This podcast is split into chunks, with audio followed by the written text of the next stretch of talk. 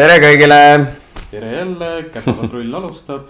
kõik, kes meid vaatavad ja kuulavad, kuulata saadate meid Apple podcast'is, kui te meid sealt üles leiate, sellepärast et inglise keel ei oska tähte millegipärast väga hästi näidata. ei oska. minu nimi on Siimaja, olen Siimaja kooli nimelise, issand jumal Siimaja kooli juht ja looja. ma olen Karl Kalme ja Käpajuhi juht äh,. täna on äh, meil selline saade, kus me reklaamisime välja kaks külalist, kohale jõudis üks. me ei ole üldse pahased ega midagi olulist ei ole muutunud. elulised asjad tulevad vahepeal vahele, juhtub. see on ainult hea meel, et, et osadel on sellised rollid elus nagu emaks olemised. Äh, tänane külaline, kes meil siis on, on äh, loomade aitaja, abistaja, toetaja. ja kõige paremini ta saab ilmselt tutvustada ennast. ja mina muidugi tean teda juba pikemalt, ma olen temaga koos töötanud isegi, et mm -hmm. Anni räägib nüüd iseendast lähe, lähemalt äkki. mina nägin Annit eelmine nädal rongis nii. ah, vabandust. tere, Anni. tervist. ja, ja, et sihuke kiire tutvustus oleks siis see, et ma olen, äh, töötan varjupaikade MTÜ-s ja olen siis äh, kommunikatsioonijuht. ja põhimõtteliselt tegelen kõigega, mis siis puudutab seda, kuidas seda loomakaitse teemat ja varjupaikade tööd siis avalikkuse ette tuua mm, -hmm. kuidas loomadele siis uusi kodusid leida, kuidas näiteks annetusi koguda ja, ja muul moel siis loomi aidata. okei okay., mul on kohe siit küsimus, kuna mina sind tean ju, jumal, nagu sa enne ütlesid, kaks tuhat seitseteist vist on ju mm. -hmm. et äh, kuidas sa üldse nagu tol hetkel varjupaika sattusid nagu sinna tööle, sest et nagu noh, mina enda story'st mm -hmm. olen rääkinud, on ju, aga kuidas sina sinna üldse nagu sattusid? Jah, see on sihuke huvitav lugu, et hästi paljud varjupaigatöötajad, neil on nagu rääkida mingid sellised lood, kuidas nad juba väiksena olid hullud koerainimesed või nad mm -hmm. päästsid mingeid kassipoegi kuskilt või nad juba väiksena teadsid, et nad tahavad loomadega tegeleda.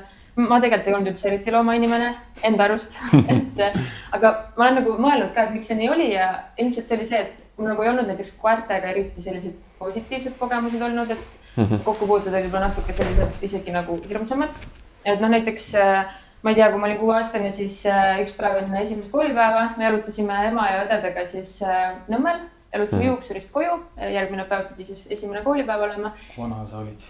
kuueaastane mm. -hmm. ja siis lihtsalt äh, ühest hoovist jookseb välja koer, kes täiega ründab mind ja hammustas mu jalast noh, praktiliselt noh tüki välja ikka väga hullusti ja siiamaani on arm olemas täitsa suur on ju, et selline nagu ja noh, ma ei ütleks, et ma kartma hakkasin koeri, aga ma pigem olin sihuke, et okei okay,, et ma ei olnud, ei olnud nagu väga koerte fänn mm. -hmm. ja, ja siis läkski niimoodi mööda, et mul kordagi ei olnud sellist mõtet, et oh, ma tahaks endale koera või tahaks koju koera võtta mm. -hmm. ja siis äh, ja siis oli ühel hetkel ma kuskil keskkooli ajal vist hakkasin käima varjupaigas koertega jalutamas, lihtsalt sattusin kuidagi sinna, kõigepealt esimene vist oli sihuke olukord, et mingi klassiga sai mindud ja siis ma mõtlesin, et okei okay,, täitsa tore onju. räägimegi siis nagu Tallinna varjupaigast. ja see oli too aeg, kui siis oli meil seal see Tallinna ametlik varjupaik oli. aa, Siini, Siinirebase, see, mis on siinsamas lähedal. jah, just, just seesama et seal ja siis ma hakkasingi nagu täitsa regulaarselt käima seal mm -hmm. ja mhm. seal nagu tekkis, noh, ma ütlen, see oli vist esimest korda, kui mul nagu päriselt tekkis mingid nagu connection'id nagu koertega onju, et ma mhm. nägin nende iseloomu, ma nägin nende käitumist, ma sain nendega nagu tegeleda. ja, ja siis, kui ma üks hetk olin juba natuke, ütleme vist olin mingi kahekümne aastane ja siis mul oma korter juba, mõtlesin, et okei okay,, et nüüd on õige aeg võtta mhm. onju. Siis... vist olid natukene kahekümne aastane ma arvan kakskümmend, kakskümmend üheksateist, kakskümmend midagi sellist, et olin just ülikooli läinud ja siis mõtlesin, et okei okay,, et tundub selline hea aeg nagu võtta ja oligi jah, saingi, võtsingi siis omale koera ja. Fredi on ju? ja Fredi jah, ja esimene koer ka on ju ja. me jõuame sellest Fredist veel rääkida ka. oota, aga varjupaika siis tulidki? ja varjupaika seal siis omakorda siis viis nagu selleni, et siis mind hakkas nagu, kuna see Fredi, kelle ma võtsin, ei olnud päris selline lihtne koer on ju, et ikkagi noh, murekäit-, probleemkäitumisega koer. ja, ja siis hakkas mind see koerte käitumine nagu rohkem huvitama mm. -hmm ja kui ma siis üks hetk nägin, et varjupaik siis otsib töötajaid, siis ma kandideerisin ja niimoodi nagu sattusingi. aga see oli selline üsna nagu, et ei olnud jah, et ma mingi väiksest peale teadsin mm., et ma tahtsin, et ma oleks tahtnud, ma ei tea, loomi. jah, täpselt. nagu mina. okei, noh, see on, see on väga huvitav äh, no,. kusjuures ma ei teadnud seda. sa rääkisidki sellest, et sa hakkasid rohkem, no sind hakkas huvitama rohkem koerte käitumine kust sa nagu pihta hakkasid siis sellega, et ennast nagu kurssi viia rohkem sellega, et, et, et miks, kuidas ja mida koerad siis teevad? mm. -hmm. jah, ma igaks juhuks ütlen ära, et ma ei ole mingisugune, on ju mm., spetsialist, ma ei ole, ma ei ole ka ennast selles mõttes koolitanud, et kõik, mis ma tean, on nagu. kogemus. jah, põhimõtteliselt oma kogemus oma koera kohta. aga no, koolitanud oled, nagu ma kuulsin, see on nagu kümne, kümme treenerit on ju, siis on no, nagu koolituspagas on nagu. see ongi niimoodi nagu jah, nagu jah, lihtsalt kogemuse põhjal on ju, et, et, et koerad on ju tegelikult nii erinevad et noh, mul ongi sihuke väga-väga teistmoodi koer on ju, kellel on omad siuksed kiiksud ja ja, ja ongi noh, võib-olla siuksed teatud meetodid, mis talle nagu mõjuvad, võib-olla teistele siis on ju, võib-olla sobivad hoopis teistsugused mm. meetodid. aga jah, kõige alguses oli küll naljakas, et kui ma noh, ma plaanisin siis võtta koera ja teadsin, et varsti kutsikas tuleb, on ju, koju ja ja siis ma ikka lugesin, on ju, neid mingeid raamatuid, et mida teha, kui tuleb kutsikas koju mm. ja kuidas käituda ja kuidas mis iganes, et kuidas sa näiteks tutvustad äh, koerale inimesi, on ju, kuidas õpetad teda õues pissil käima. kuidas sa harjutad teda mingite müradega, on ju. Mhm. mõtlesin, et okei okay,, lahe on ju, sain kõik need teadmised. ja kui see kutsikas siis mulle tuli ja ma sain aru, et noh, milline ta on, on ju, siis mul nagu tekkis pigem küsimus, et kuidas ma ta üldse sealt nurgast välja saan või kuidas ma üldse ta sealt voodi alt välja saan, et ta ei kardaks kõike, onju. Mhm. et noh, meil ei olnud mingit juttu sellest, et kuidas ma õpetan teda õues pissile. mul oli küsimus, et kuidas ma ta üldse korteri uksest välja saan, et ta julgeks tulla, onju. et noh, nagu sellised asjad. ja, ja noh, eks igast erinevaid, erinevaid raamatuid olen lugenud, ma ei tea ma, ma arvan ka, et vist kümme erinevat treenerit, kes on, kes on siis Reddit nagu koolitanud ja, ja treeninud ja, ja sealt igalt poolt natuke midagi nagu. jah, see ongi selline noh, jälle, mis mul kõrva jäi, oli niimoodi, et noh, inimesed räägivadki sellest, et, et kuidas koolitaja on Fredit koolitanud mm. -hmm. jah, jah. tegelikult ongi oluline see, et ju inimene õpiks koeraga suhtlema, koeraga käituma, koera treenima mm. -hmm. et kas sa tunned noh, kui sa juba millegist sellist räägid, kas sa tunnedki, tundsidki ennast sellisel hetkel ka nagu sellega, et, et tuldi, tuldi sinu juurde ja hakati koera koolitama või tuldi sinu juurde ja hakati inimest koolitama? no tegelikult noh, nüüd ma saan nagu aru, et tegelikult see kõik nagu on ju hakkab koer, nagu koeraomanikust pihta, mhm. onju. aga ma arvan, et mingil hetkel võib-olla see oligi see esimesed paar aastat, noh, kus mu koer oli üks, kaks, kolmeaastane umbes et siis nagu, siis mul oligi pigem see, et mul oli rohkem selline nagu võib-olla niisugune nagu paanika või selline meeleheide, et okei okay,, keegi tulgu, tulge aidake lihtsalt onju mm -hmm.. et, et mis ma teen selle koeraga, et kuidas ma saan, sest noh, kõige tavalisemad igapäevased asjad olid ka täiesti nagu välistatud, jalutuskäikudel, mis on normaalselt käia ja nii edasi. aga noh, eks mingi hetk nagu käis see nagu plõks läbi ja noh, Karl ka näiteks väga palju aitas sellesse kaasa, onju, et ongi see, et kõik hakkab nagu minust endast pihta ja number üks asi on see, et äh, kui ma ise kardan, on ju, siis mu koer kardab ka. Aga mul mhm. võttis hästi palju aega ja hästi palju tööd, et ma saaks ise sellest hirmust nagu üle, on ju seal oli jah, mingil hetkel nagu ma noh, jah, mina sain Frediga tegeleda, mul on nii palju aega, ma olen päris palju aega Frediga koos veetnud, sellepärast ta on, ma, ta on minu juures hoiul olnud ja noh, nii edasi on ju, et mhm.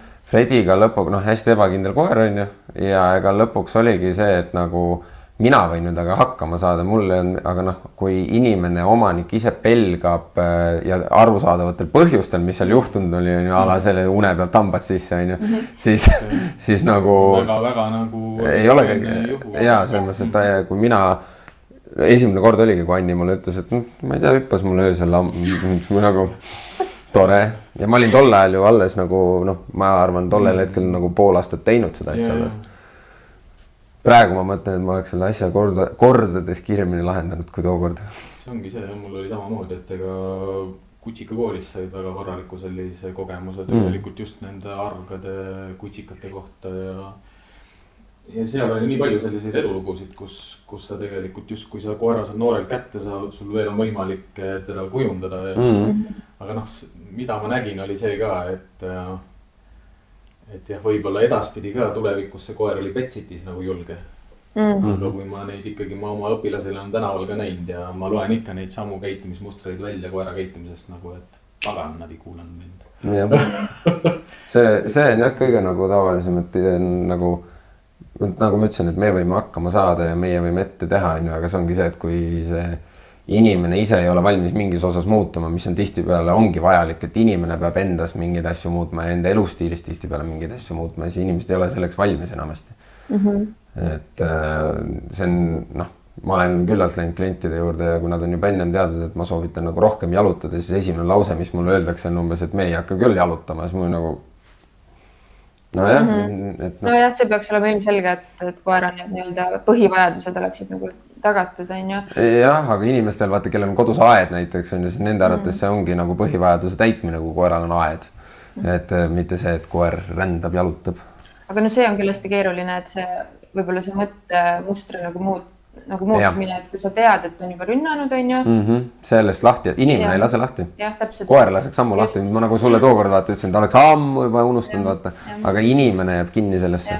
kõige hullem minu jaoks oligi see, et kui ta näiteks tänava peal üritas teisi inimesi rünnata või teisi koeri, siis see nagu tekitas eriti siukse vastiku tunde, on ju, et sa ei taha ju, et see koer läheks kellelegi kallale ja, ja siis kogu aeg käibki sihuke ärevus sees ja teed selle jalutuskäigu kiiresti ära, noh, mis ei ole tegelikult üldse nagu. sellest me saime üsna ruttu tegelikult lahti, sest vaata, Fredi hakkas ju käima ka varjupaigas, see nagu sotsialiseerumine sealpool ka veel ja, nagu see on see, mis. klõps nagu ja. läbi, et kuidas siis ta hakkas nagu, sai aru, et okei okay,, et inimesed ei olegi. ja, ja teised koerad samamoodi, et ega ta ju veetis päris paljude koertega aega mm.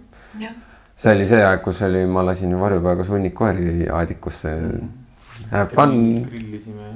Ah, Siim oli ka mõned korrad ikka jah no see ongi noh, minu jaoks ta viikski natukene selle teema nagu varjupaiga mm.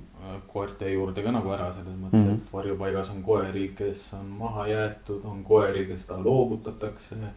ja on ka siukseid hulkuvaid koeri, kes lihtsalt leitakse kuskilt mm -hmm. metsast või noh, ja noh, papi või nendest nii-öelda kutikafarmidest ei hakka üldse rääkima, need koerad ju. Nad kõik on nii erinevad, noh, mingil määral noh, mõnes mõttes võib-olla tahakski sinu kogemust ka teada, et, et äh,. ühes intervjuus ütlesid, et sa oled ka juba tuhandeid koeri näinud või vähemalt tuhanded koerad on ju varjupaigast läbi käinud mm. -hmm. Te näete mm -hmm. neid palju, kuidas nad käituvad ja kes nad on ja mida nad teevad. et kas sa tänasel päeval juba suudad ka niimoodi eristada, noh, mingil määral ka seda, et, et äh, mis ta minevik võis olla, mitte selle poolest, et kui raske ja halb ta elu oli, vaid see, et kust ta tuleb ma ei teagi, kusjuures raske öelda selles mõttes, et noh, mida mina olen tähele pannud, on see, et tihti öeldakse, et, et näiteks, et ma ei tea, kardab äh,, ehmatab ära, kui inimene, ma ei tea, tõstab käe, järelikult peksa saanud, mhm. on ju, või mingid sellised asjad või näiteks ma ei tea, kardab mingit äh, meesterahvast või ma ei tea, mingit pikka inimest, et järelikult see on teda peksnud, on ju. aga noh. tegelikult päris nii ei ole. ma arvan, et see päris nii tegelikult ei ole ja, ja tegelikult on ju ka koeri päris palju, noh, see ilmselt noh, ei ole teada, kui palju neid koeri on kes sünnivad ka mingi geneetilise sellise nagu nii-öelda noh, probleemiga, nii et no vaimsed probleemid nagu inimestelgi on ju, on ka koertel. et, et ma arvan, väga raske on öelda jah niimoodi koerale peale vaadates, kui sa tõesti ei tea mitte midagi nagu temast, kust ta tuleb.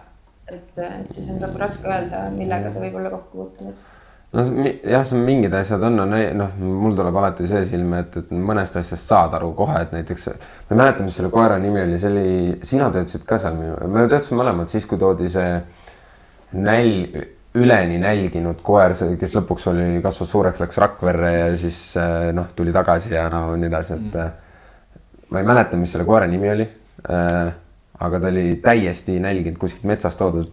see, kus, kus oli kuskilt Harku metsast leitud ja, ja, ja. ma ei mäleta, mis ta nimi oli, aga jah, mul tuleb silme ette küll see koer no,. seal oli aru saada, et ta on nagu kunagi kodust või mingil hetkel kas ära viidud või on kodust jalga lasknud ja, ja no täiesti nälginud jah, nagu visuaalselt on ikka näha või kui koeral on mingisugused mm, haavad, mingid armid, siis näed, et okei okay,, ta on kas nagu no mis iganes, kas ta on kaklenud teiste koertega mm. või ta on, inimene on talle nagu halba teinud, onju. et selliseid asju näeb ja, aga ega ma seda minevikku kahjuks kunagi nagu päris täpselt ei tea, kui, kui ta tuleb lihtsalt kuskilt tänavalt onju. no jah, ma olen ka kuulnud tänapäeval järjest rohkem räägitakse neist mingist geeni mm., geenivigadest ja ma ei tea, mis asjadest ma ise mõtlen, ma ikka võtan selle keskmine tagumine mm -hmm. juhtiv koer ja selle endale ette ja. ja noh, minu jaoks ei ole olnud üldse nagu raske olnud niimoodi koerte maailmas niimoodi ringi liikuda, et, et ma vaatan koerale peale ja ma ütlen, et noh, tagumine koer järelikult on reaktiivne ja arg mm. -hmm. ja noh, rohkem, palju rohkem esil selliseid käitumismustreid, loomulikult ükski koer ei ole sarnane aga sa saad ta kohe panna noh, mingil määral mingisse kasti, no ei tahaks ühtegi koera kuskile kasti panna, aga enda jaoks lihtsalt, et sa tead juba, kuidas talle läheneda, mida vaja on Mhm. Mm. -hmm. ja noh, siuksed ekstreemsed äh, juhtumid ongi pigem ju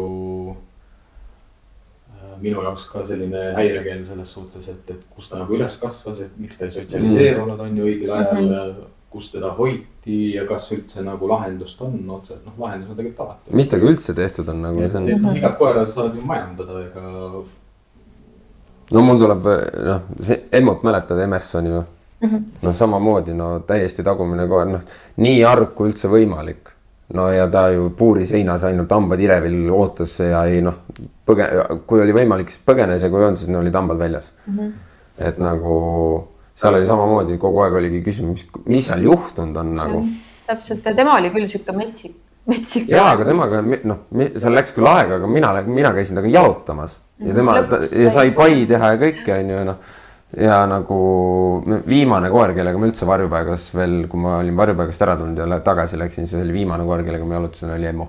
Mm.. ja sellest tuli muidugi ilge jama, et ma Emmuga jalutama läksin, aga see selleks. Mm.. aga noh, selles mõttes, et ma olin Emmuga nagu, noh, Emmu oli see, Emmu oli Emmu, mina panin veel nime ju, see on Emerson. Mm.. no nüüd ta on ju kodus, kus on. sai lõpuks koju. palju teisi koeri ka ja mm ja viimane, viimane uudis oli jah see, et teiste koertega saab nagu chill'ist hästi läbi, aga inimesi ikkagi nagu noh, hoiab eemale. see oli varjupaigas ka juba, et teiste koertega sai ta lahti lasta, see oli okei okay, mm, -hmm. aga just inimesed olid tema, eks ja vot see tekitabki küsimust, et kus on see sotsialiseerumine jäänud, et nagu inimene, ükskõik milline on nagu paanikaosakond koera jaoks mm. -hmm noh, üldiselt sotsialiseerumisperiood, selline kriitiline jääb ju sinna pärast seda, kui nad. silmad lahti teevad. nägema hakkavad, siis hakkab see kiire õppimine pihta mm. ja see kestab. noh, sihuke hea kriitiline sotsialiseerimisperiood on viisteist kuni kuusteist elunädalat.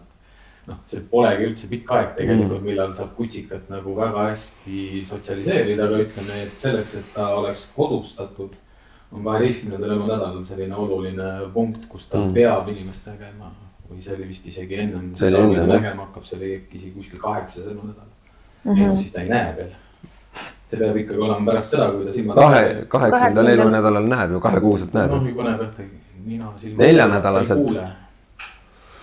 ta ei kuule veel üsna varakult, ühesõnaga on ta see. peab nägema ja kui ta siis kasvõi on näinud inimest, inimene ei pea teda katsuma ega midagi, siis ta on juba sotsiaalne või noh, nii-öelda kodus, noh justkui nagu kodustunud ei ole metsik no,. uuringutes on tõestatud seda. Noh, tänapäeval ei saa enam selliseid uuringuid teha ja keegi ei lubaks selliseid eksperimente koertega teha, et ärme mm. näita talle inimest ja hoiame neid kuskil mm. seal luku taga ja noh, justkui oleks sihuke mitte piisavalt humaanne, aga Scott ja Fuller noh, kuuekümnendatel, neljakümnendatel said alustada, kuuekümnendatel lõpetasid selle uuringu sealt on nagu nii palju väärtuslikku informatsiooni tegelikult koerte sotsialiseerumise ja arengu kohta, mida ka palju nagu viidetakse sellele uurimustööle. Aga mida minu arust endiselt veel nagu niimoodi väga tugevalt nagu mainstream'i sisse ei tule, noh mm. kasvõi vaadata seda, et millal kutsikakoolid hakkavad, on ju, nelja-kuuste Mhm. koertega või viie-kuuste või pooleaastaste koertega. kui on juba ammu rong läinud mm. -hmm. et äh, no ütleme, varjupaika ilmselt tõenäosus on, et varjupaika jõuab ka rohkem selliseid koeri, kellel lihtsalt see soodsad ajad on mööda läinud sotsialiseerumiseks, tal ei ole hilisemas elus enam nagu õnne, õnne olnud mõnes mõttes. ei no seal on varjupaik on nagu see- on ka, millest aru saab, et äh, kui on nagu sihuke, et on kiip olemas on ju ja on teada omaniku informatsioon, siis sa koera pealt näed ära, miks ta on varjupaigas, miks ta ei ole kodus. et mm. mul tuleb sellega alati roi meelde Mm -hmm. et noh, seal oli noh, seal oli aru saada, miks ta ei olnud, inimene ei tahtnud teda noh mm -hmm., et noh. Roy oli see vanak onju. ei, Roy oli see laikalaadne mustvalge, kes käi-, kes paar korda jõudis koju ja, minna ja, ja ja. noh. okei okay., ja Roisid oli meil mitu tükki. no on, ma arvan, ma kujutan ette, see on nii palju olnud, aga üks oli see mustvalge, kellega, kellega lõpuks hakkas jooksmas käima üks sportlane, jooksis Viimsisse ja tagasi ja noh. mm, jah. lihtsalt äh, praegu siia vahele ütlen kõikidele vaatajatele jah, et meil on chat on avatud ja. ja küsimused on kõik teretulnud ja noh, andke. hea oleks tegelikult praegu, kui te annaksite teada ka, et kas te näete ja kuulete meid, et kui, kui keegi on sealpool ja, ja näeb ja kuuleb ja noh, kui Mm. vaadatakse, järelikult paistab, aga Mm. osad inimesed jäävad kuulama ka, vaatavad äkki suuliigutuste Mm. mm. järgi, et mida räägitakse. aga see, mul tuli kohe küsimus, aga siis kui varjupaika tulid, kes oli esimene koer, kes sulle meelde jäi? Ats, Ats.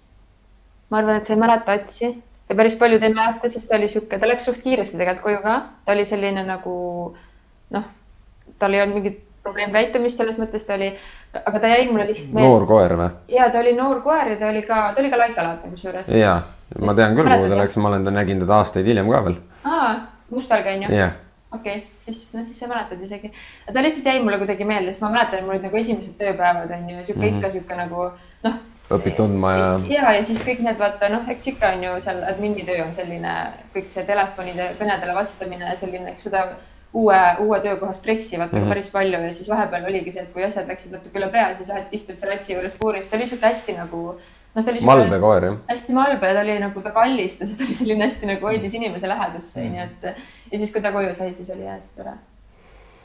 seal olin jah varjupaigas, ega mul endalgi, ma, mul mingid on e- eredamad pärlid jäävad meelde mm. -hmm. alates Mukist ja ma ei tea, kas sa Mukit nägid üldse vist ei näinud, mm? -hmm. Aga ma olen, ma olen kuulnud, räägitud.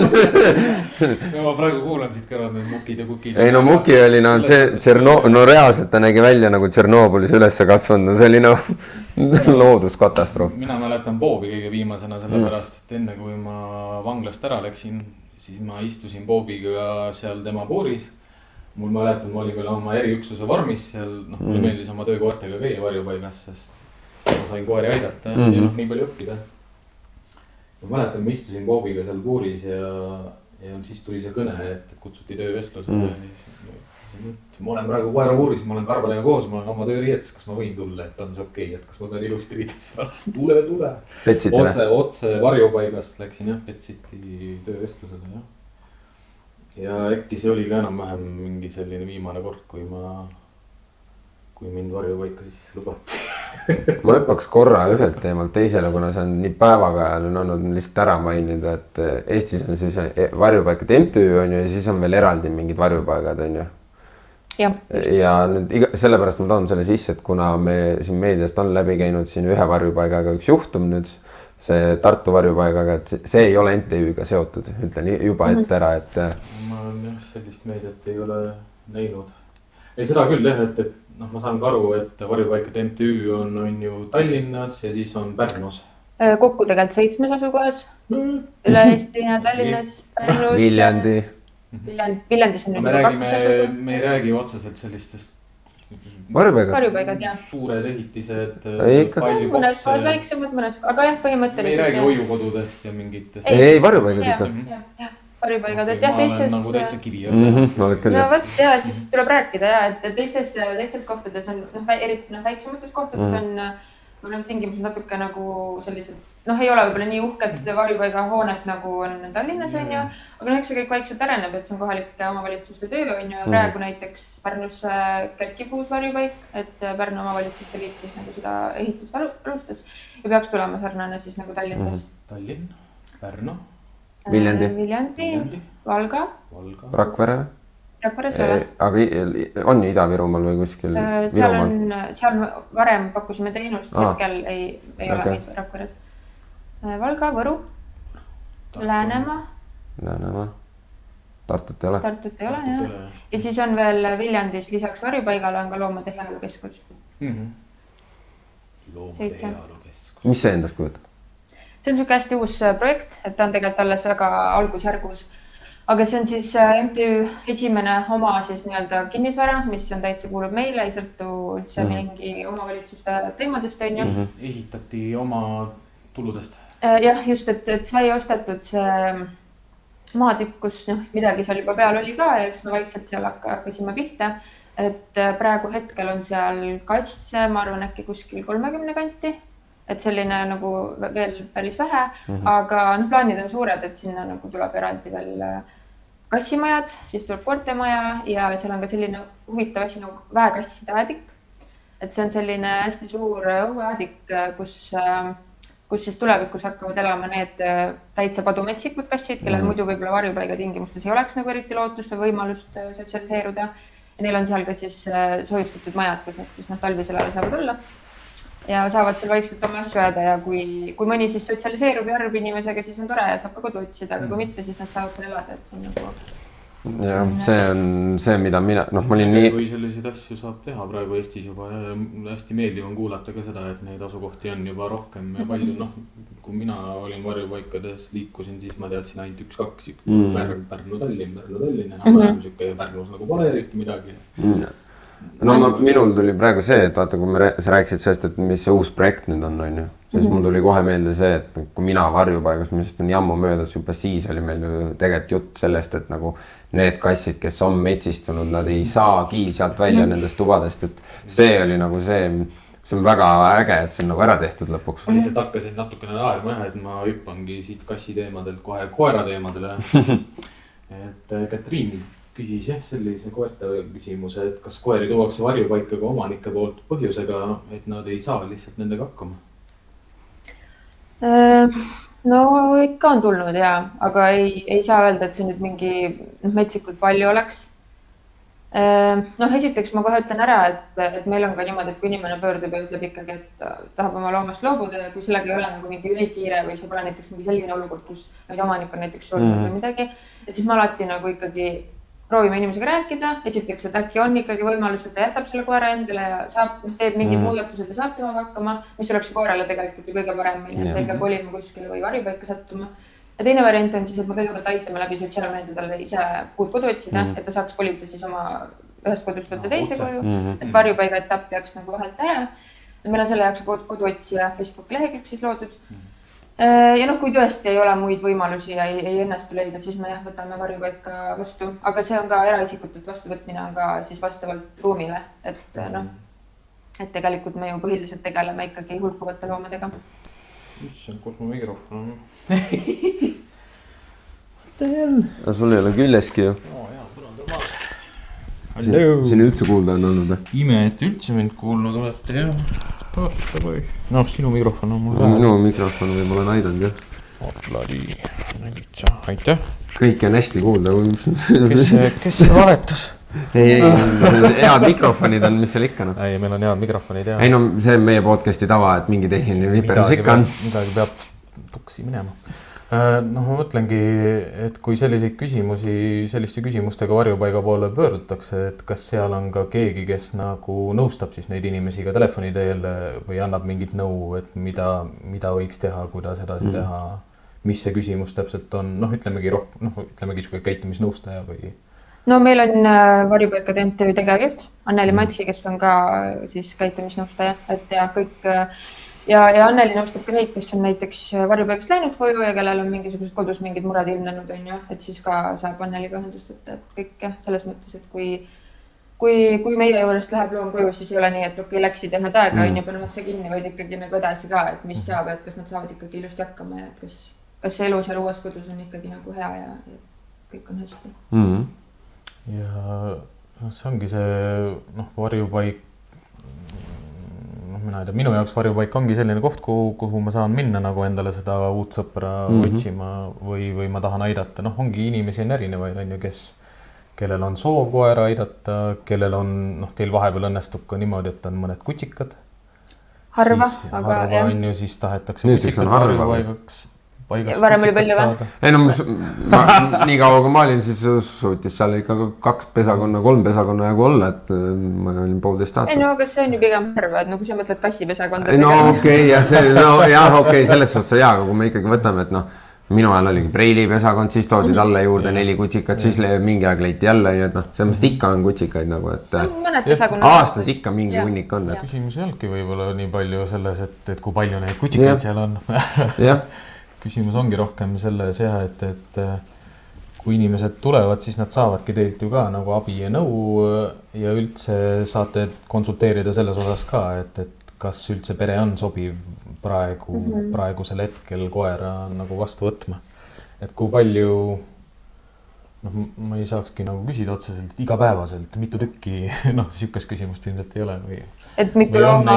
äh, soovijaid nagu palju, kas kõik soovijad kõik soovid rahuldada.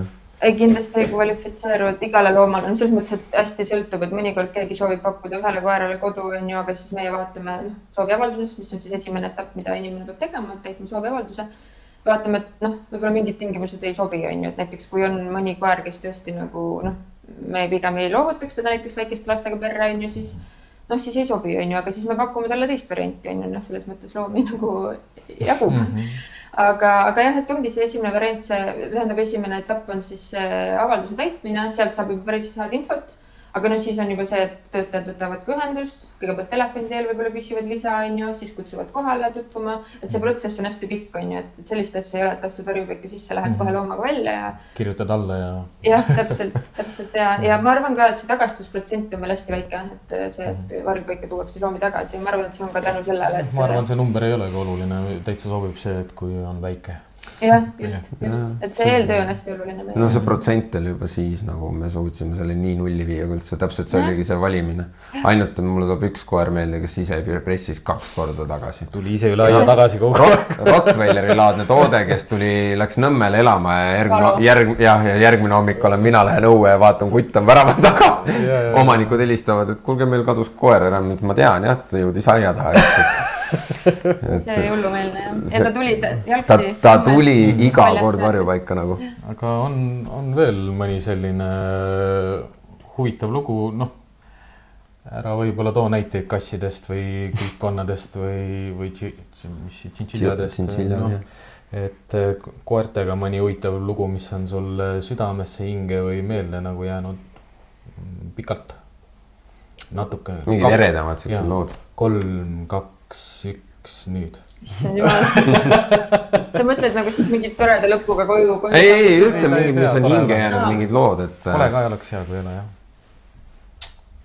no üks naljakas lugu tuleb mul meelde, on see, et üks koer, mul ei tule praegu teda nimi meelde, aga sihuke lahe suur karvane koer, kes tuli ise varjupaika näiteks ja mm, -hmm. ja tuligi nagu ise lihtsalt tänava pealt ja tuli ukse taha ja tahtis uksesse saada ja, ja siis me naersime ka, et näed, et see on nii tore, et koerad tahavad ise meile siia tulla, onju, et. see oli mingi kevadjooksuaeg ja mingi sihuke teema. no midagi seal kindlasti oli ja, et aga ta oli, ta veel, me vaatasime turvakaamera pealt, et ta korraks oli sinna Paljassaare mere äärde jooksnud ja siis tagasi tulnud ja siis oli juba ukse taga, onju. võtsite vastu? võtsime vastu ja, ja. kiipi ei olnud? siis ta ei olnud kiipi jah. ma mäletan, ta otsis veel pikalt, aga ta oli hästi selline ta oli hästi aktiivne, energiline koer ja kuna suur ka on ju, siis need suured koerad tavaliselt ootavad nagu kauem kodusid on ju mm. -hmm. natuke aega ootas, aga sai, sai koju ja -hmm. ma isegi praegu hakkasin mõtlema, mul on üllatavalt palju on neid koeri mul meeles tegelikult, mul üldiselt ei jää koerte nimed meelde, aga sealt varjupaigast on küll Leopoldid ja kõik, kõik, kõik nagu. no, vaata no,, ma panin, ma panin nii palju hinge sinna sisse ka, et nagu. on olnud nagu nii noh, suuremad kui elu on ju. no jah, Windu ja Charlie ja no sest äh, no ongi osad koerad ongi sellised hästi tugeva energiaga, asjalikud, noh, mõnes tulebki sihuke sõna meelde nagu asjalik on ju, sihuke tegelinski, teab, mis tahab. Leopold on ju, pikutab kuskilt, siis kõik on tema oma, üldse keegi lähedale ei tohi minna. kas sul on ka jäänud mõni kummardada. koer hinge peale, mida oleks tahtnud tegelikult endale koju viia? kes? no paar, paar sihukest on olnud küll, onju, aga see on, see on niimoodi, et, et noh ma arvan, et kõikidel varjupaikade töötajatel tekib seal mingi hetk, on ju, et kui sa nendega seal suhtled ja tegeled, siis tekib see side, on ju. aga noh, ma pean hästi ratsionaalselt mõtlema, on ju, et mul on niisugune keeruline koer ja, ja noh, ma ei saa, ma tean, et ma ei saa võtta. aga paar sellist on, et üks oli, kusjuures proovisin ka, võtsin hoiukodusse nagu, aga siis mm. nagu ei, ei klappinud, aga see oli koer nimega Rada, ma ei tea, kas sa. mäletad jah mm? -hmm vot tema, ta oli kuidagi nagu, ma ei tea, millegipärast kuidagi nii meeldis mulle, ta oli sihuke hästi rahuliku energiaga mm., sihuke hästi mõnus koer. oli see, kellega me istusime seal põrandal maas mm? -mm. ei olnud see väike koer? väike ta oli, aga. ta oli sihuke keskmine, mitte väga pisike. ei, ei me.... aga jah, ei temaga ja lõpuks meil üks vabatahtlik võttis ta endale, et läks hästi ja siis praegu mul on tegelikult ka hingel üks koer, keda väga tahaks võtta Pärnu varjupaigast mm.. kes see, peame kohe netist vaatama. kuidas, kuidas sa ütle oma see töö, töönimetus uuesti. kommunikatsioonijuht. jah, see ju eeldabki seda, et sa tegelikult liigud mööda Eestit äh, palju ringi. nojah, ütleme mitte nüüd ülipalju, sest enamus, äh, enamus ajakirjanikke ja noh, on ikkagi Tallinnas on ju ja ja, ja et kõik need, noh, tavaliselt kõik salvestused ja kõik sellised mm. filmimised toimuvad Tallinnas kohapeal, aga, aga jah, vahest on siin. aga noh, no ongi, vaata, teil on ju hästi ägedaid kampaaniaid, et äh, ma saan aru, sina oled ka üks selline ju äh, noh, kuidas nüüd öelda nagu alustala või mutter selleks, et üldse need kampaaniad käivituksid ja mõtled neid välja või, või on teil niisugune suurem töörühm, kes? mis selle koera nimi oli? Pärnu varipaigast Suur Papa oh,. suurest papast sa rääkisid ühes intervjuus äh, Elmar raadios. ja, ja, ja seal sa mainisid ka teda, sest teil on äh, oktoober on seeniorkoerte kuu. november ja on seeniorkoerte kuu. november mm. -hmm. oktoober on endiselt musta kassi kuu või? jah, on. see on meeles mul. praegu ongi meil november. ja praegu meil käibki seeniorkoerte kuu, me nimetame seda viis pluss kampaaniaks, sest on siis need viieaastased ja siis sealt üle need koerad, kes siis ootavad varjupaika. sa panid oma lemmikkoera kohe tanki nagu. no mina, mina niikuinii, ma niikuinii tahan endale uut koera siia kõrvale võtta, oi, teil on kutsi, mis asi see on? See on mingi spanneli või piigli või millegi segu või? ja, üks kutsikas, kes jah leiti üksi tänavalt lihtsalt niisama kuskilt, ma ei mäleta, kas oli Kristiine või kes kõndis kuskil. Järve tänavalt Tallinnast. vanus umbes paarikuune? Jah, kes ei tea, siis ja varjupaikade MTÜ-l on sihuke täitsa noh, koduleht ja kõik olemas, sealt saate mm -hmm. koeri vaadata ja seal on kõik koerasood ja pildid ja kõik olemas ja noh, koerad ongi tegelikult üle Eesti, et, et kui te sealt vaatate, see ei tähenda, et ilmtingimata Tallinnas on aga ka see on tegelikult juurde märgitud mm. ära ilusti. ja otsingust saab täitsa valida ka. Tallinna omas on kõik broneeritud. muidugi. kusjuures Tallinna varjupaigas on praegu üks koer, kes ootab uut kodu, ainult üks. kutsikas või? Ei, see kutsikas ootab veel vanaomanikku ah., kui vanaomanik ilmub välja, siis ta läheb tagasi mm -hmm. vanasse kodusse, kui ei ilmu kahe nädala jooksul, siis see kaks nädalat mm -hmm. peaks tal varstiga täis saama. et siis me paneme ta uut kodu otsima ja mm, -hmm. aga kõik need teised on seal broneeritud ja see broneeritud mhm. tähendab tavaliselt seda, et. ainukene, kes seal on Bruno. jah, just Bruno. ei no ma, ma mäletan lihtsalt varjupaiga aegadest seda, et äh, varjupaigas oli palju rohkem koeri kui, kui neid, kes olid kodulehel nagu saadavad. jah kas seal on ka siukseid, on tänasel päeval ka veel alles nagu noh, paneme selle küsimuse ka hingelt siia juurde kohe, et kui pikalt saab koer varjupaigas elada, enne kui tal mm -hmm. noh, kui talle kodu ei leita. ja et kõigepealt selle kodulehe kohta on see, et, et keda siis varjupaik on kohustatud üles panema kodulehele, on, on need, kes ongi tänavalt leitud, kes potentsiaalselt siis mm -hmm. otsivad omale, kas siis vana, noh, ootavad mm -hmm. vanaomanikku et.... seal on mingi aeg ka siis neliteist päeva oli vanasti. neliteist päeva jah, just okay. neliteist päeva endiselt, et äh, ja, ja noh, et see koduleht on siis see viis, kuidas me saame aidata siis mm. seda loome siis tagasi vanasse koju.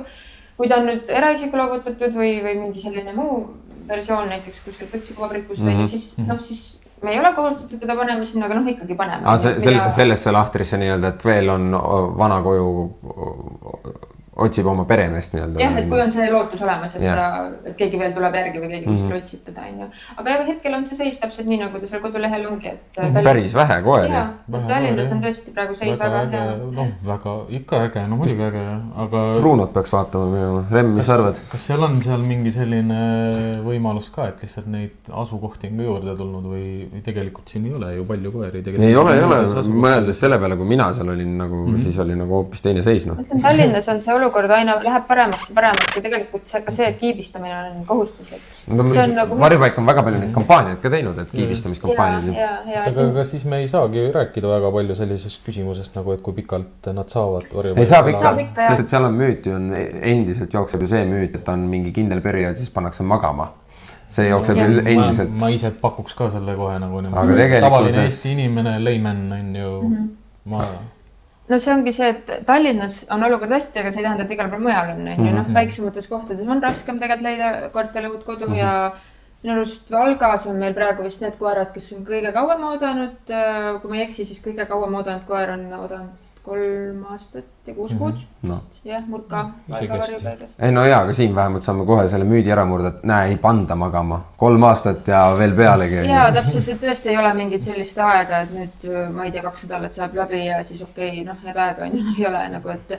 et, et ongi noh, praegult on koer, kes on peaaegu neli aastat oodanud, on ju, ja ootab ikka ja mm -hmm. noh ja ta on täitsa ka, ta on juba sihuke, sihuke vanur on ju, et ongi raske talle kodu leida, aga loodame, et leiab ja ikkagi teeme talle reklaami, et äkki, äkki, äkki leiab selle inimese, kes mm -hmm. tõesti tahab sellist koera. arusaadav ka, noh, ma saakski aru, et kui varjupaigad ajavad üle, on ju, ja, ja mul on ruumipuudus, et siis ma pean hakkama mingeid selliseid tõsisemaid otsuseid vastu võtma, aga see ongi hea, kui nii palju loomaarmastajaid on koos mm -hmm. üheskoos ja kõik, kõik tahavad nende koertega tegeleda, saavad ja. nendega tegeleda ja me leiame need inimesed, kes nendega tegelevad ja. no mis MTÜ suur pluss on see, et kui üks MTÜ varjupaikadest ummistub, siis saavad teised appi minna nagu mm, -hmm. et nagu seal Täpselt. ongi see, et see jaotatakse ära siis. pidev koostöö varjupaikadega. ja, et teil on nagu selles mõttes ongi, et te kuulute ühe MTÜ alla, isegi mina mäletan seda, et ongi meie Tallinnast saadeti ju maakohtadesse mingid koerad, sest meil tekkis ummistus on ju ja vastupidi toodi mm -hmm. noh, mujalt ka on ju, et mm. -hmm. ma peidan juhet sellest loomade, sellest varjupaigas ootamise teemal ka, et noh, kassidest ka rääkides, et näiteks kõige kauem meil on oodanud üheksa aastat mm, ta leidis ka lõpuks Mhm. kodu, aga ta ootaski üheksa aastat. ja tihti inimesed ei usu, mõtlevad, issand, et noh, et nemad arvasid, et on juba eutaneeritud, et on ju, et, et nii kaua nagu. aga ei, ootas ja ta oli ka, ta oli selline musta värvi kass ja noh, nagu need mustad kassid mm ootavadki kõige kauem, on ju. et ja leidis kodu lõpuks noh, kui noh, mul käis see abi, abi mõte ja sihuke, et noh, loomi armastavad inimesed palju saavad üksteist aidata, toetada, et noh, teil on ju vabatahtlikku, noh, kuidas see niimoodi, see ei ole teenistus, programm. vabatahtlikud, vabatahtlikud. käivad abiks. kuidas see toimib teil hetkel üldse? nagu mis süsteem seal on või kuidas see käib teil näiteks Tallinnas, et äh, toimib, ma ütleks väga hästi, meil on nüüd ka vabatahtlike koordinaator ja, ja aga teil vahepeal siis ei olnud või? vahepeal ei olnud ja vahepeal oli sihuke natukene nagu noh, et nagu noh, ütleme avaldusi tuli, aga polnud võib-olla kedagi, kes nendega jõuaks Mm. tegeleda, onju, aga nüüd on eraldi inimene, mis on hästi hea. ja, ja ongi täitsa selline, et kõigepealt on infotund, inimesed saavad otsustada, kas nad üldse tahavad, nad Mm. saavad kuulda, mis, mis on vaja teha, milline see vabatahtliku töö välja näeb. jah, just, et kui palju, kui tihti ja kui siis otsustatakse, et tahetakse, siis tuleb ka praktikapäev Mm. et äh, kõik asjad siis läbi teha kellegi kõrval, kes on siis nagu noh, töötaja on ju, kes mm. -hmm. oskab neid asju juba. Ja hästi palju tublisid vabatahtlikke, meil on üle Eesti on sada vabatahtlikku väga super. ja ei, see on väga-väga hea. Ja aga noh, see ei ole ka päris selline, et, et igaüks nagu. no me olime Anniga ka kunagi ju vabatahtlike saada- koordinaatorid ja vabatahtlike. mina olin Tallinna varjupaigas üks esimesi vabatahtlikest mm. -hmm. ja kõige esimene koordinaator olin ma tol hetkel, sest et kõigepealt oligi mis ta nimi nüüd oli, kes seal alustas üldse seda vabatahtlike asja, on olnud varjupaikadega täpselt sama teema, et noh, mul oli teenistuses seesama asi, et, et kuskilt maalt, noh, kui sa juba oled seal olnud mõngi Ahah. aeg, saad aru, mida te teete, saad aru, kuskohast mingit infot nagu tuleb, samas vaatad ise nagu kõrvalt ja vaatad, et huvitav, miks see Eestisse veel jõudnud ei ole. ja, ja sa oledki, mina alustasin kaks tuhat kümme või? Kaks tuhat kümme alustasin ja, ja mõtled küll, on ju, et juba kaks tuhat pluss on ju. aga me olime nii kummikutes nagu sellel ajal veel.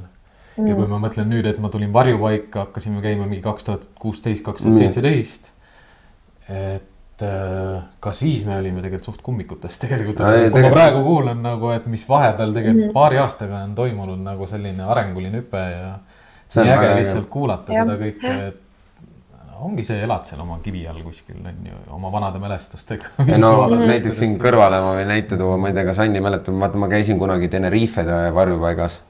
Ja ja tol hetkeks olime me ikka noh, tsivilisatsiooni jõudnud oma asjadega, sest et see, mis seal oli, see oli ikka noh, et see ongi kahju jah, Karol ei saanud tulla, et siis äh, ta käis vist, kas ma saan õigesti aru, Bulgaarias. jah, Bulgaaria oli jah, oli seal veel keegi kaasas, sina ei käinud? mina ei käinud jah. kahju. sest ega noh, ilmselt ongi niimoodi, ma kogu aeg mõtlesin, et kas meil on kuskilt nagu väljaspoolt õppida midagi Il,. noh, ilmselt ikkagi on ka. ei kindlasti on Kindlasti on. jah, aga noh, mida ma ise nagu koerte käitumise spetsialistina ja selles maailmas olnuna nagu tajungi, on seda, et ega ega Eesti ei ole Vahemeremaad ja Vahemeremaad ei ole Ameerika ja Ameerika ei ole Lõuna-Aafrika on ju, et noh mm, kliima ja kõik asjad ja keskkond mõjutab nii palju seda, kuidas koerad käituvad, mis mured on, palju meil tänavatel koeri on ja noh.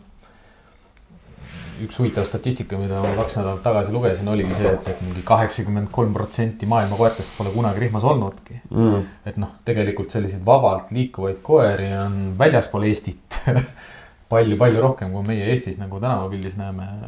noh, nii-öelda jalutavaid koeri või hulkuvaid koeri. kusjuures, kui me räägimegi sellest, et noh, meil on nagu Eestis on ju seadusega tänavapildis on siis nõu- nõutud nii-öelda rihmas jalutamine ja nii edasi, onju. mul t- tuleks selle seadusandluse poole pealt selle juurde, et nagu mis on äh, noh, ma ei tea, palju sa rääkida saad või no pa- palju sa tead, onju, aga nagu kui varjupaika satub inimesel koer ja mitmeid kordi, kas on nüüdseks siis mingid asjad, mingid äh, nagu seaduse poolest kuidagi nagu võimalik selle inimest korrale kutsuda, kui see koer on nagu nädalast nädalasse jälle jooksus ja varjupaiga töötajad kulutavad aega ja energiat selle peale, et see koer jälle kinni püüda, jälle viiakse sinna, et noh. kas see, mis see, kuidas sellega on üldse, et kui inimesel üldse, üldse inimestel, et kui su koer satub varjupaika, mis sind siis ees ootab? no esiteks me ei ole meil lihtsalt varjupaik, onju ei,, noh, me ei jah. saa kahjuks. no teie ei tee seadusi selles mõttes jaa. Aga on küll selline reegel, et kui äh, koer on juba kolmandat korda sattunud varjupaika mm, -hmm. siis meie peame siis teatama sellest nagu siis teatud ametnikele okei. ja nemad siis noh, sealt edasi, kas siis Aa, teevad midagi või ei tee, eks okei. ole, see on nende. aga mi, ütleme, et näiteks inimesel esimest korda koer ära kaob või kuidas üldse inimene peaks käituma Eestis, kui tal koer ära kaob? kui tal on kiip olemas, oletame, et kiip on noh, kiip on niikuinii see, mis võiks olla olemas, peaks olema. et kuidas inimene peaks käituma, kui tal koer on kadunud? No kui tal on äh, koer kadunud, siis noh, esiteks on ju lähimatesse varjupaikadesse mm Mhm. -hmm. helistada ja uurida, et kas koer on jõudnud jälgida varjupaikade mm Mhm. -hmm. lehekülgi on ju.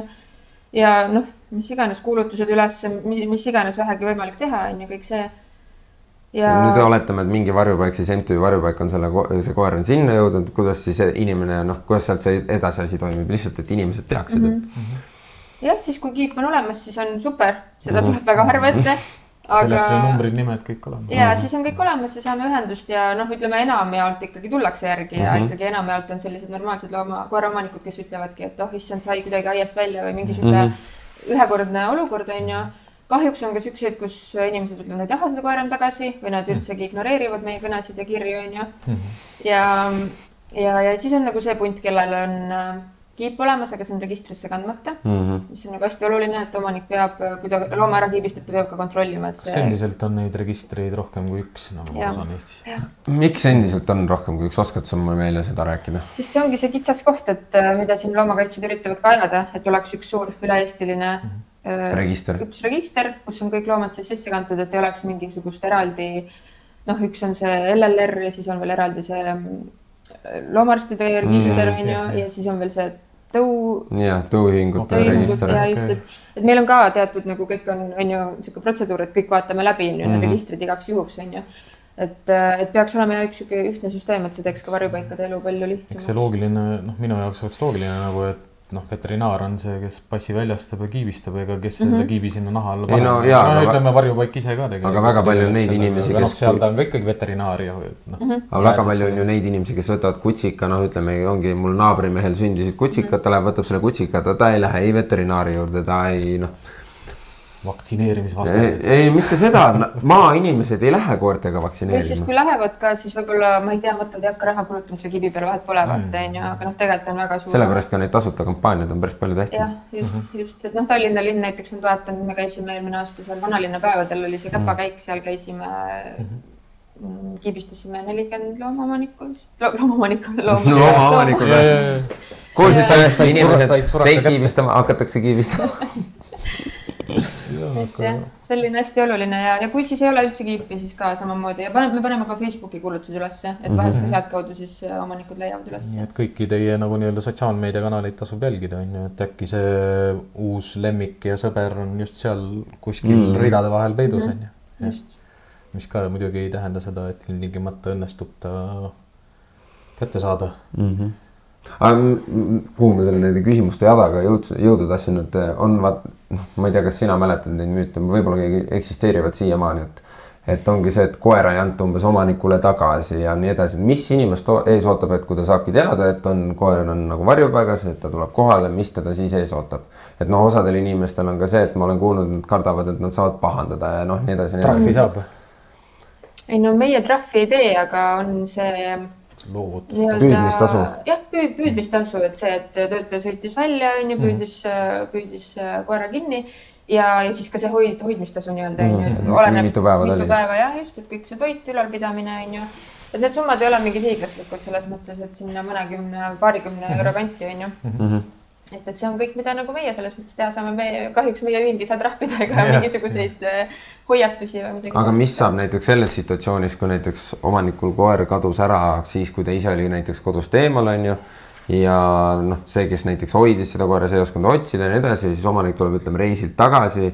see koer on nüüdseks olnud siis rohkem kui see neliteist päeva. ja kui ta näiteks uude koju läinud või veel ei ole isegi, et mis siis saab? Äh, kui ta ei ole veel uude koju läinud mm Mhm. -hmm. ja see oli tõesti niisugune nagu olukord, nagu sa kirjeldasid, onju, et omanik ei ole selles süüdi ja ta ei olnud võib-olla teadlik, onju, siis ta saab selle koera tagasi. Mhm. aga näiteks just see keerulisem olukord. no õnneks ei ole juhtunud. jumal tänatud on ju, aga no ma ütlen, et see on niisugune eluline asi, mis võib juhtuda täitsa, et mm, -hmm. et äh, jah, te ei ole isegi mõelnud nagu nende nagu, ma lihtsalt küsingi, täitsa huvitab ja mind hakkas huvitav. no kui see on no äh, ega mina ei saa aru, miks sind nagu siin nagu Siuksed asjad sellises podcast'is mingid sellised asjad äh, huvitavad. no huvitavad, sest et need, ei no ma võin kiiresti vastata, et kuna noh, lemmikloom on Eesti Vabariigis on ju asi mm, Mhm. -hmm. ese on ju, et siis see ongi nagu põhimõtteliselt võib-olla nagu käsitletakse nat- natuke nagu võib-olla siis nagu vargust, kui mm, -hmm. kui nagu saab tuvastada, et see oli kindlasti selle inimese mm. koer ja siis seal on ilmselt juba mingi politsei Mhm. Okay. teemad, et siis ma, ma arvan, et meie nagu seal okay. otseselt ei sekku. Mm, kas selline, selline samasugune juriidiline nagu lähenemine on ka teistes Euroopa riikides, et koer on asi ese või, või oled sa oma töös kohanud nagu sellist asja, et, et kuskil ikka öeldakse, et ta on nagu isiksus või no see on hästi kaua vaata Eestis ju olnud nagu ongi diskussioon, et nagu miks on loom ese. Et noh, kas sa tead seda, et kas mujal Euroopas on ta ka ese või?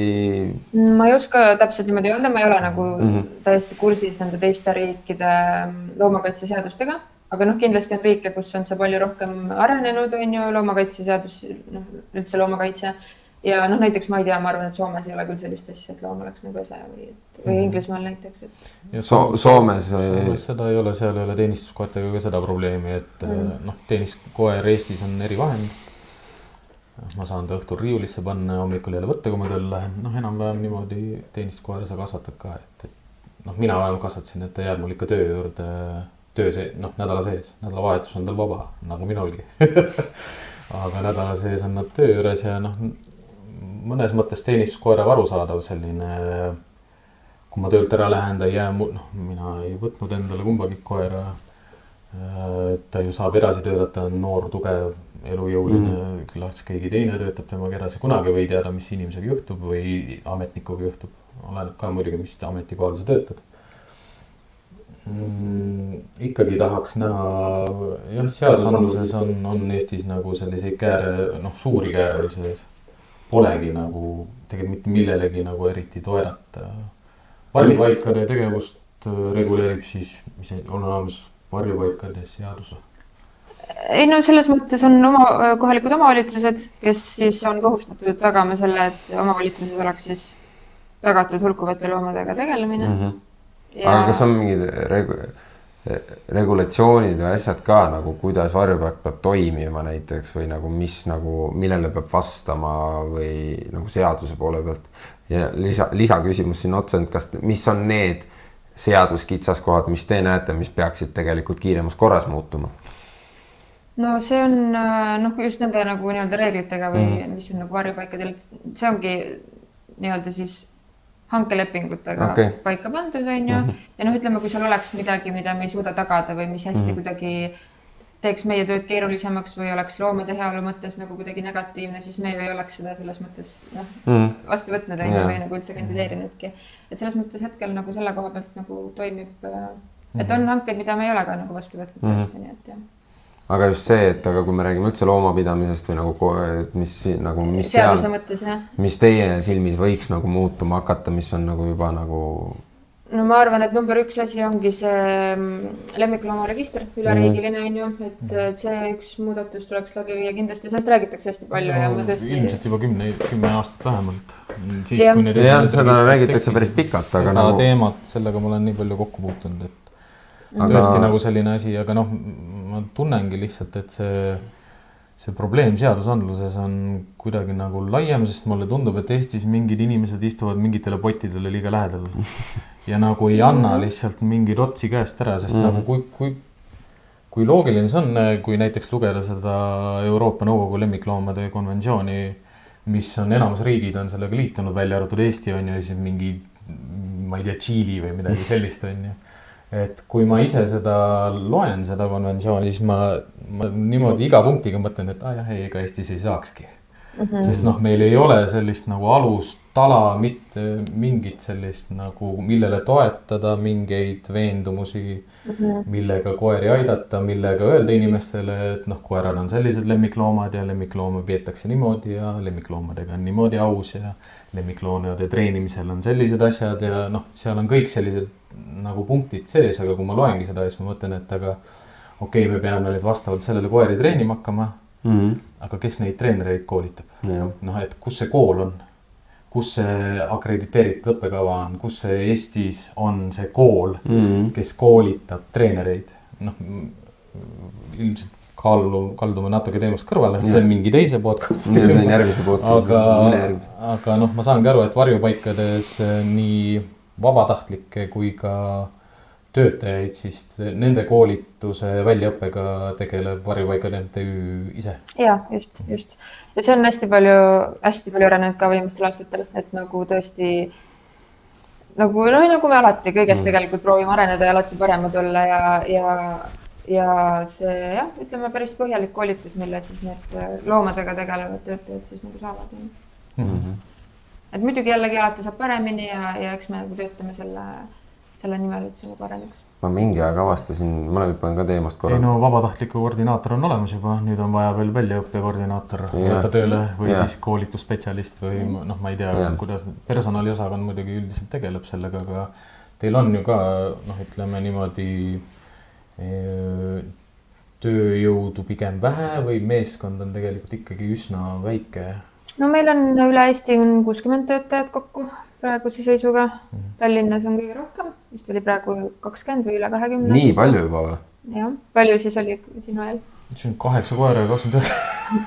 ja ka kasse. ei no ei, aga kui ma mõtlen, minu ajal oligi vähe, sest et äh, nii-öelda hooldajaid, neid oli kas kolm tükki või neli tükki ainult. siis administraator on kaks, ehk siis meil on viis-kuus inimest on ju, püüdjad kolm otsa on seitse on ju, juhataja kaheksa on ju.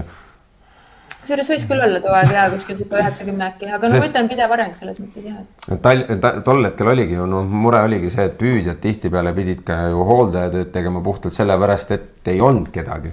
Aga nüüd meil ongi niimoodi, et kõik teevadki kõike Aa, et kõik inimene ongi kõike. välja koolitatud tegelema nii kassidega, koertega, käima väljakutsetel, et äh, kuidas parajasti nagu vaja on. Ja seda ka sõltub ja see on hästi erinev, et teinekord on jälle rohkem koeri sees on ju, siis on vaja nagu koertele on ju, praegu hetkel on nagu üks koer on ju põhimõtteliselt on ju.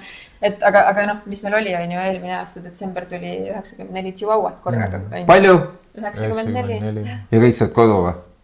Kõik said koju. pisikene koer ikka saab. üheksakümmend neli, kõik mida said koju ja suht üsna kiiresti ka no niimoodi, et, ka, ka täiskasvanud koerad see, see lugu ei tulnud või sulle pähe, kui rääkida mõni huvitav lugu, mis täpselt, meil tuli üheksakümmend neli koera korraga. jõuavad korraga. tavaline. Usual. ei no ma, ei, ma saan aru, miks see tavaline, sest et kui mina tulin mingi kolmekümne kassiga ükskord, siis oli see ka noh, suht siukene. no see ongi ja täpselt ja, ja siis meil on eelmine aasta oli kolm, kakskümmend seitse Dobermanni laadset tuli korraga sisse, suured koerad on ju. Pärnusse tuli ka eelmine suvi kolmkümmend kaks kollilaadset korraga. no need on need kutsika farmidest nii-öelda onju. ega kasse tuleb samamoodi niimoodi ju. Mhm. kassid tulevad kolooniatest ja tänavatele. või siis on nagu mina käisin, et üks vanatädi oli endale tänavalt korjanud kokku korterisse mingi sihuke kolmkümmend kassi. Mhm. et ähm, aga ühe, oota, ma tahan selle Chihuahuade juurde, how või nagu kuidas te manage isite nagu üheksakümmend neli ei ole vähe. ei no seda See- pole üldse vähe. see on nagu meeletult palju koeri nagu. müstiline number, sest äh, aga noh, tõenäoline on, et nad olid juba karjas harjunud elama ja neid No sai lihtsalt palju ühte boksi panna, aga noh, mitme boksi peale te nad ära jaotasid? Äh, kusjuures see oli niimoodi, et äh, me saatsime osad, osad, kui ma nüüd õigesti mäletan, äkki nelikümmend tükki tuli otse Tallinnasse ja siis ülejäänud läksid äh, Pärnu varjupaika.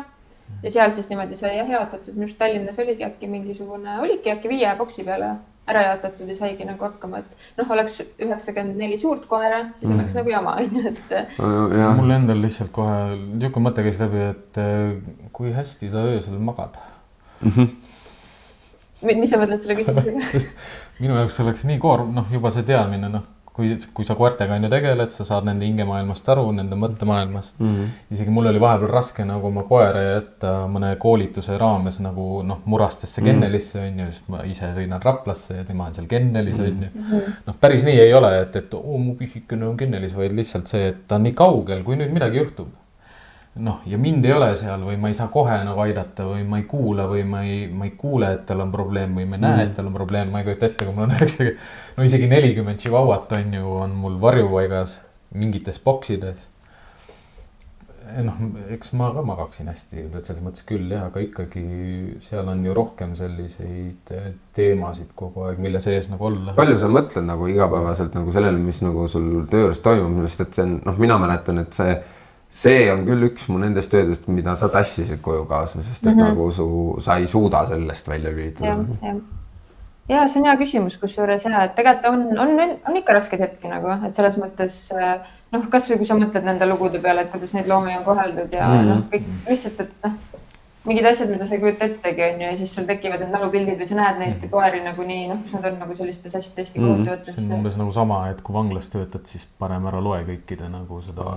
ei huvitanud mitte kunagi. toimikut on ju. ja mind ei huvitanud, aga mind ei huvitanud varjupaigas ka, kust nad tulnud on, sest et ma teadsin juba ette seda, et nagu mm -hmm. ma olen lihtsalt närvi mingite asjade, selle ja ma ei, noh, pole mõtet selles minevikus olla, pigem mm -hmm. ongi see, et ma võtsin varjupaika, mis on inimestel siiamaani, et varjupaik on õnnetu, kurb ja paha. see on jumala äge koht nagu, see on nagu see on nagu, see on nii fun, kui üldse nagu saab olla nagu. et eh, ma saan inimestest aru, et oi, tal pole oma täpselt, koerad tulevad vabatahtlikult või siis mõni põgeneb kuradi oma uuest kodust tagasi, on ju, et nagu kui fun peab koht olema, et koer tuleb oma uuest kodust tagasi varjupaika, mitte no, ühe korra. Eks seal on see, aga noh, ma alati otsin neid nagu loogilisi vastuseid. ei no jaa, aga no still vaata. kuskil seal aia taga on, on ju, kus, aga ei, loomulikult seal on absoluutselt selline, et eh, ega hotellis töötades oli ka tihti seda, et sa lähed sinna ette selle laua juurde, annad koera üle ja hakkad ära minema ja koer tuleb sinuga kaasa mm. -hmm. tirib rihmas on ju, tahab sinuga kaasa tulla, kurat, ma olin temaga kaks päeva koos nagu selles mõttes, et mm. et aitab küll sellest täitsa piisab tegelikult, et, et koeraga see tugev side mõne inimesega tekikski, et noh mida sa tegelikult noh, minu jaoks ka juba üsna niimoodi vestluse alguses ütlesid seda kuidagi nagu niimoodi mööda minnes ka, et, et just see koera minevik ja, ja kus ta on olnud ja mida on teinud, et seda me ei kanna kaasas, noh, inimestena, kuidas sa emotsionaalselt võid ennast nii siduda sellega, mis kunagi on olnud ja midagi on juhtunud ja mm -hmm. mina ei tea, kas, kas meestel on lihtsam, naistel raskem Ko. koertega tegeleda? emotsionaalselt mitte nii kinni olla. kuidas sina arvad, jah? No ma, ma usun, et see oleneb inimesest, ma ei tea, ma olen ise nagu mõelnud, et noh, meil on olnud inimesi, kes on tulnud tööle näiteks äh, hooldajaks ja mm -hmm. nad mhm. ongi, nad lihtsalt vaatavad ja nutavad nüüd nad ei saa, ei saa seda tööd mhm. teha, onju. Mhm. või noh, minu käest on ka hästi palju küsitud, et kuidas sa suudad või kuidas sa jaksad, onju, et. aga noh, ma arvan, mul on võib-olla veits paksem nahk ka, et, et selles mõttes, et noh, kuna ma olen ka kommunikatsioonijuht, siis ma pean arvestama, et minu kohta ka kirjutatakse ja, öeldakse halvasti vahest. tekib, tekib paks nahk. et kuidagi mind see nagu väga ei heiduta või ma ei ole nagu mingi, mul ei teki mingit hästi suurt masendust või mingit tööstressi onju sellest aga, aga see on ka hästi hea, oluline asi, et meil on hästi-hästi toetav äh, meeskond mm, -hmm. et. Äh, no kui ma võtan enda seda varjupaiga kogemust, siis oli nagu mure ei olnudki nii väga, mis loomadega juhtunud oli ja noh, nii edasi, vaid pigem ajas nagu keema seesmiselt see inimeste yeah. käitumine yeah, ja inimesed just, kes varjupaika tulid näiteks kas külastama, on ju, need on ju suutsid seal huumorit teha, on ju, või need, kes nagu tõid oma koe-, kes jätsid oma koera sinna või noh, et nii üleolevalt suhtuti oma loomadesse või nagu nii napakalt kohati, et nagu see oli mm -hmm. nagu, see oli see osa, mis nagu tegi keeruliseks. see loomade osa, see oli puhas fun nagu ükskõik, mis seal oli tegelikult, noh, oli ikka õnnetuid hetki, muidugi oli mm. -hmm. et noh, aga elus juhtub õnnetuid asju ja noh, ma siinkohal noh, surm on loomulik osa on ju, see ka juhtub. aga nagu need asjad, mis inimeste poole pealt tuli, oli palju trööstitum nagu jah, eks me oleme ka ju rääkinud omakeskis, et inimestega on nagu raskem kui loomadega onju. aga nüüd on nagu selles mõttes ka muutunud, et neid külastajaid ei käi nagu nii noh, meeletult palju, et me oleme hästi mhm. palju, ongi neid süsteeme. koeri pole ka palju noh, jah. ja et selles mõttes, et seda, et astud sisse ja lähed jalutama mm -hmm. koeraga, seda meil pole ja selle me mm -hmm. lõpetasime ka siis ära, kui noh, koroona ajal sai selgeks, et mm -hmm. koertele ei või no üldse loomadele, kassidele ka onju. mõju hästi see, kui sul käib yeah. kogu aeg palju inimesi, erinevad mm -hmm. inimesed onju mm -hmm ja ka sellised probleemsemad loomad hakkasid meil mm. nagu ka avama kuidagi ennast ja ma ei tea, kassid, kes olid muidu seal kuskil kassitoas mm. peidus nurgas mm., hakkasid välja tulema, sest ei olnud nagu pidevalt seda nagu hirmu, et mingi mm. inimesed käivad kassitoas, onju. et vahest küsitakse ka, et aa, et miks te teete nii, et me tahame tulla lihtsalt koertega jalutama, me tahame nagu mm-hmm. aidata mm ja noh, ongi, neil ongi siiras mm soov nagu aidata. aga, aga just, et me peame ka alati mõtlema looma heaolu peale mm esimesena ja noh. see ongi see ka noh ega ei saagi otseselt öelda, et varjupaik on nagu probleemseid koeri täis, on ju mm. -mm. aga Engel ongi sihuke küsimus ka, et kui varjupaiku sata, satub mõni probleemkäitumisega koer, et kas ja kuidas siis varjupaigad tegelevad nende probleemide kaardistamisega või ka lahendamisega? Äh, jah, see on hästi sihuke individuaalne jälle, oleneb koerast, on ju, oleneb olukorrast noh, kui ma mõtlen praegu mingeid selliseid juhtumeid, kus ongi koerad, kes ongi võib-olla nagu arglikud mm, -hmm. mitte argagressiivsed, onju, et äh, Nad istuvadki seal kuskil onju kuudinurgas ja ei julge isegi nina välja pista, et noh, näiteks nendega seal jalutamiski käia onju. et siis ongi, et siis noh, töötajad tegelevad niisugune onju. keskkonna küsimus rohkem. ja just, et sa saad, et sa noh, hakkadki vaikselt harjutama, ilmselt nagu võtab aega, aga noh, ütleme sellised, sellised probleemid lahenevad tavaliselt ikkagi üsna kiiresti onju, et kui, kui loom ei ole, ei näita seda nagu agressiivsust onju. issand, mul praegu tuli nii tugevalt see sisse, et mis mulle nagu tenniskoerte puhul ka meeldib, et me piirame nende liikumist nii Jah. öösel just ongi need boksid on ju, neil on siseboks, neil on välisboks, varjupaik on ka hästi noh, üks-ühele enam Jah. tegelikult selle Muraste tenniskoerte koolituskeskuse kellelegi kenneliga. et äh, mis ongi noh, nende kenneldamise puhul või kenneldamine on niisugune sõna olemas või? Et noh, positiivne selle juures ongi ju see hea, et, et, et meie olemegi need, kellega nad kokku puutuvad, keda nad iga päev näed, me saame nendega individuaalselt tegeleda. Nad ei jookse vahepeal lihtsalt niisama ringi, nad ei ole otseselt ka üksi, sest nad on kindla koha peal ja neid järjest rohkem noh, neile kinnistub see koht, kus nad No elavad ja magavad ja söövad. parem on ka see, kui nagu neil on vähem inimesi, kellega nad tegelevad, siis tekib mingigi struktuur nende elus ka, et nagu see on nagu noh, me noh, mina töötasin, siis oli veel see aeg, kus me andsime, jalutame ja nii edasi, onju. aga nagu ta, tol hetkel isegi ei mõelnud, isegi sina ka, ma arvan, ei mõelnud, tol hetkel me ei mõelnud nii väga, kui palju see nagu mõjutab. sa mõtlesid just seda, et oh, ta saab jalutada, onju. mõne koeraga oli vajalik see, et keegi viitsiks vähemalt nagu, sest et noh, roi, no ta on see ainult kõnnikski kuskil ühes suunas, lihtsalt jalutaks ringi ja noh, et aga üldiselt jah, see nagu pigem on. kas te seda endiselt teete, et äh, kas te lasete koeri üksikult aedikutesse või on ikkagi, et lasete mingid paaride kaupa või kuidas teil see on? enamasti üksikult, et okay. vahest, kui on mingid sellised erijuhtumid, et näiteks ongi koerad koos tulnud või Mhm. kuskilt nagu koos nagu leitud või et nad, noh, me teame kindlalt, et nad nagu klapivad, siis, aga noh, üldiselt on ikkagi eraldi ja, et koerad saavad siis kaks korda päevas aga jalutada. teil laual ei ole seda olnud, et nagu proovida ja nagu neid omavahel sobitada, aga kasvõi, et nagu see omavaheline koerte sotsiaalsus nagu ka sisse tuua, vaata, et noh, üks osa on see, et inimeste sotsiaalsus on ju, aga teine osa just see, et nagu ja siis pigem jalutuskäigul okei mitte okay., ei muidugi jalutuskäik on see, millest võiks alati alustada nagu, et äh, aga lihtsalt ongi see, et nagu jah, seda ma tahtsin teha. jah, ja ei, seda ikka tuleb ette, aga see ongi niisugune nagu pigem jah, selline no ütleme ikkagi me peame varjupaiga keskkonnas olema ettevaatlikud mm Mhm. -hmm. ja pigem nagu kõik on ju läbi kaaluma ja vaatama, et et sest meil on sellised natuke probleemsemad koerad ja ja me ei tea nagu nende tausta. jah, siin Siim vastab ühele küsimusele.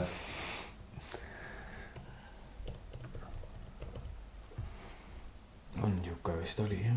Mm -hmm.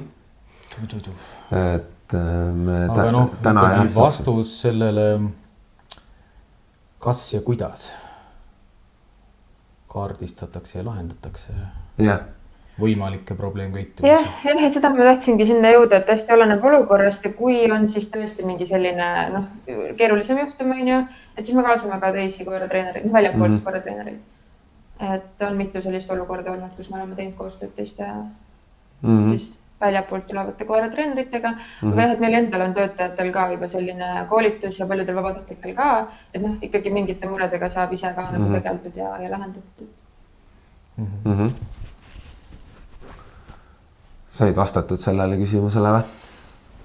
sain, no ma saan aru, et, et. No see on see on intrigeeriv. aktuaalseid intrigeerivaid küsimusi praegu meil nagu ühiskonnas ka Jah. niimoodi olemas, aga noh, ma, ma ei pea seda vajalikuks üldse nagu väga palju diskuteerida selliste teemade mm. -hmm. üle, et äh, ta läheb nii palju kontekstist välja ja, ja ja kõik, mida praegu saavad kõrvalseisvad inimesed teha, kes ei ole kriminaalmenetlusega seotud, saavad ainult spekuleerida ja, täpselt. ja kui niikaua, kui faktid ei ole paigas, nii kaua võib igaüks lihtsalt pakkuda välja, mis, mis juhtus ja, ma arvan, et see diskussioon peaks pigem olema see, et kuidas inimesed saavad, noh, et inimesed vastutavad oma koerte eest. tead, see diskussioon peaks olema isegi täiesti sellel tasandil juba, et nagu inimesed peaksid hakkama nagu oma koertega tegelema. jah, just, täpselt, äh, et inimene võime peabki, täitsa rulli minna, et äh, et koera võttes võtma selle vastutuse ja saama aru, et mida see tähendab olla nagu loomaomanik on ju. sest et kui inimesed, no selles mõttes on nali naljaks, aga kui inimesed teaksid täpselt, mis neid ees ootab, kui nad koera võtavad,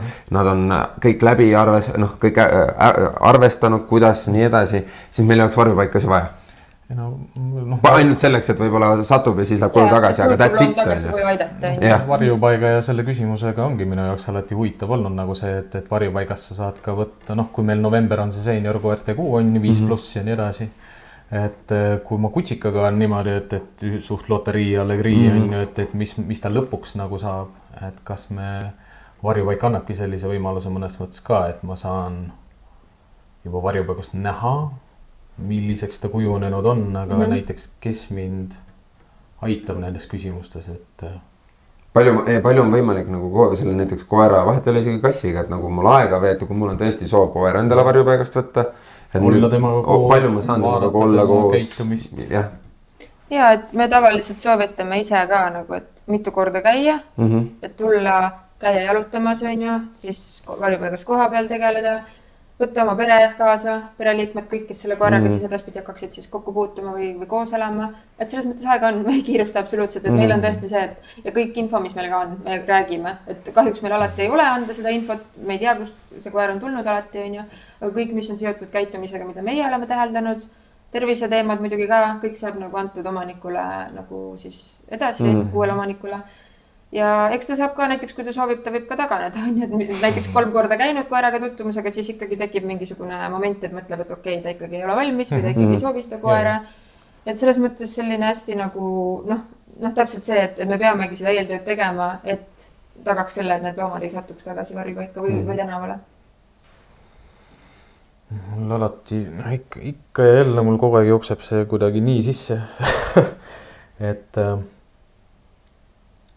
kuidas, kuidas sa ise hindaksid praegu näiteks seda, et äh, kui kvaliteetne on see väljaõpe äh, kõikidel inimestel, kes varjupaikades koertega, kassidega, loomadega, loomadega kokku puutuvad? kus seda väljaõpet saab, kelle kaudu seda väljaõpet saab ja kui kvaliteetne on, kuidas me seda hindame või kes seda hindab või mis, mis...? no me jõuame jah selle küsimuse juurde tagasi, et meil ei ole ju asutust, mis meid õpetab Eestis tegelikult mis oleks nii vajalik nii varjupaigatöötajatele kui kes tahavad treeneriks saada, et sihuke, et kui, mis nagu, kust te selle koolituse jah saate, kas see on nagu see, et mis on kogemused või kellel on mingi kindel nagu õppekava nii-öelda või kuidas teil see on? sa mõtled nüüd meie töötajate? jah, näiteks töötajatel jah, et kuidas, kes teid välja koolitab või kuidas teil see välja näeb üldse? Ehm, no esiteks hästi palju kogemuse pealt mm -hmm. muidugi, no meil on ju aastaid kogemust yeah., et äh, viisteist aastat on varjupaikade MTÜ tegutsenud mm. -hmm. ja ma arvan, et enamus tuleb kogemuse pealt, aga jah, näiteks ka meil on äh, erinevad koeratreenerid, kes tulevad, äh, koolitavad meie vabatahtlikke töötajaid, näiteks mm -hmm. koertega Ratist on käidud, on ju, siis mhm. noh, meie tegevjuht Anneli Matsi on ise hästi mm -hmm. palju õppinud ja ta on mhm. koerte käitumisnõustaja mm. -hmm. temalt tuleb meeletult palju kasulikku infot. et jah, noh, põhilised need asjad nagu kokku, et ja see on jah, see meie Siimuga mõlema nagu murekoht Eestis ongi see, et nagu see õppekava võiks olla nagu reaalselt sa võiksid saada kuskil õppida. ei no ütleme, kus see loomade kool on, kus veterinaaria koolitatakse? Tartu, Tartus Maaülikoolis näiteks mingi õppekava, Tallinna Ülikoolis on üritatud seda alustada, ise olen saanud suveülikoolis käia Tallinna Ülikoolis. et äh, aga noh, ta võiks ikkagi sellele tasemele jõuda, et kasvõi nagu sa saaksid nagu kutseõppijana ta õppida. olgu, no mis, mis sinu hinnangul noh, ma saan aru, et, et üks asi oleks see register on ju, et saaks selle paika mm, -hmm. üks asi oli veel. oh issand, ma ei mäleta enam, mis oli register paika, mis see veel kas ma ütlesin kaks asja või? no ma mäletan kahte, aga võib-olla oli üks, okei okay,, kui me saame registri on ju, me saame selle registri, me saame teada, kust koerad tulevad, kust me nad leidsime, kellele me need anname mm. -hmm. aga see ei muuda ikkagi nagu seda otsa ära, et, et kuidas.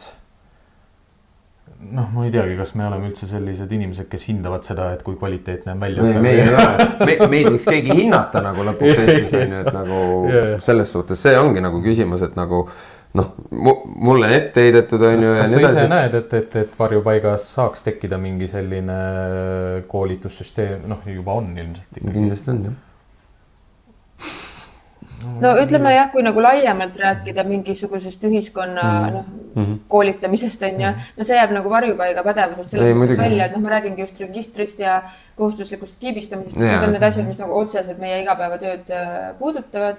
aga, aga ei, muidugi ma olen nõus. aga teie, teie igapäevaelu puudutavad ka need asjad, et meil nagu tegelikult ju ei ole riigi tasandil või nagu seaduse tasandil seda, et inimesel kui ta koer on kuuendat korda kolmeteistkümnenda päeva jooksul varjupaika tulnud, on ju mm, -hmm. siis tegelikult meil seadusandlus puudub selles osas ju mm. -hmm. Tegelikkuses noh, see ei, see ei puutu, see nagu teie ei tee seda seadusandlust, aga see teeks teie elu kergemaks nagu et see on nagu see, mis on minu, minu vaatevinklis on kindlasti veel puudu, et nagu meil see noh, see, see, siis kui mina ka töötasin nagu nadi on nagu see, sa oled viiendat päeva tööl ja sul on, lähed seitsmendat korda sama koera juurde nagu tegelikult ka või? Jaa, aga seda, see seda on, küll jah.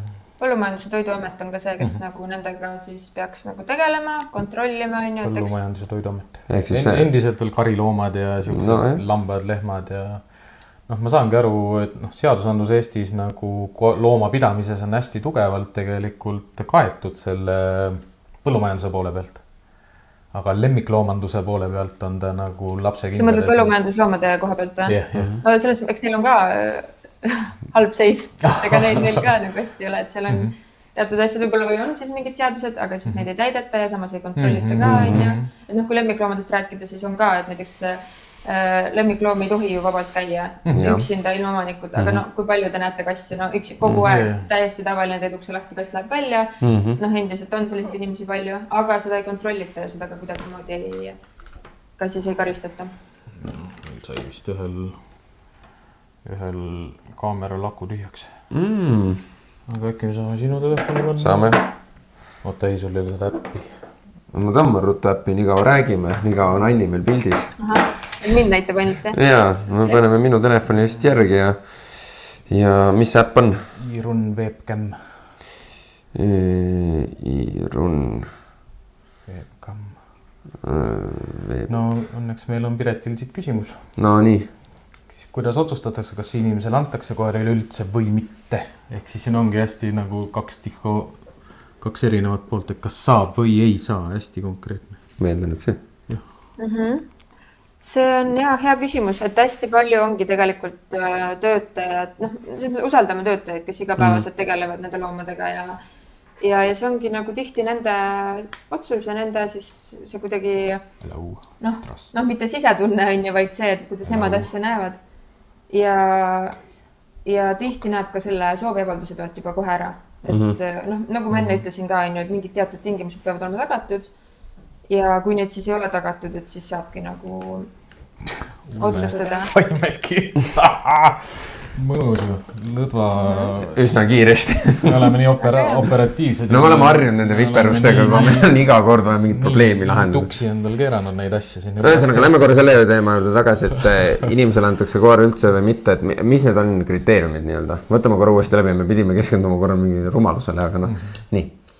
aga noh, siin ongi täiendav küsimus Ahah, ka, et kas küsi ala peab elama majas, aias nojah, on koeri, kelle puhul ongi näiteks, ongi ehtsad õuekoerad on ju mm, -hmm. tõesti nagu sa tead, et nad on varasemalt elanud õues, neil on see paks karv, mis iganes ja nad hea meelega võidavadki õues või varjupaigas ka, nad ei taha sinna sisepuksi minna, on ju. noh, siis loomulikult me ei anna teda korterisse mm, -hmm. see oleks ju koera piinamine, on ju.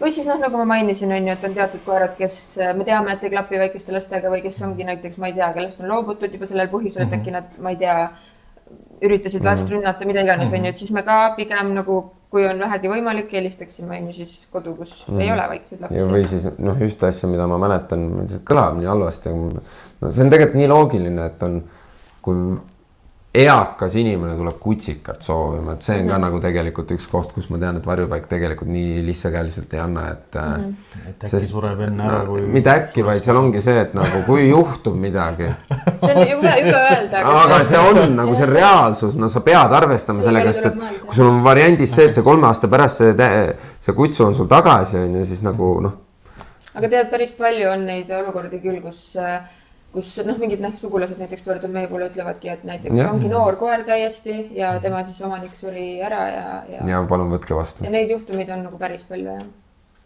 mis on nagu kurb tegelikult, et tegelikult ongi see, et nagu meil on ju varjupaikades on neid vanakesi küll tegelikult ju mm, -hmm. et nagu ja väikseid ka nagu selles mõttes nagu see oleks küll, et kui te tahate oma vanaema, vanaisa tahab uut koera võtta, on ju, siis nagu minge varjupaika tegelikult ka, et nagu võtke see vanake sinna juurde, et ta on, ta on rahulikum, enamasti rahulikum iseloomuga on lihtsam mm. -hmm. Endal, endal mul on see kogemus olemas, et täita seda ankeeti, et äh, see ankeet on igatpidi nagu mm -hmm. väga põhjalik. sa, sa panedki sinna absoluutselt kõik asjad kirja mida sa oled teinud, kus sa oled käinud, kus sa elad, kui suur maa, milline aed, kui palju sa jalutaksid, palju sa liiguksid, mhm. kõik siuksed küsimused on seal olemas, et noh.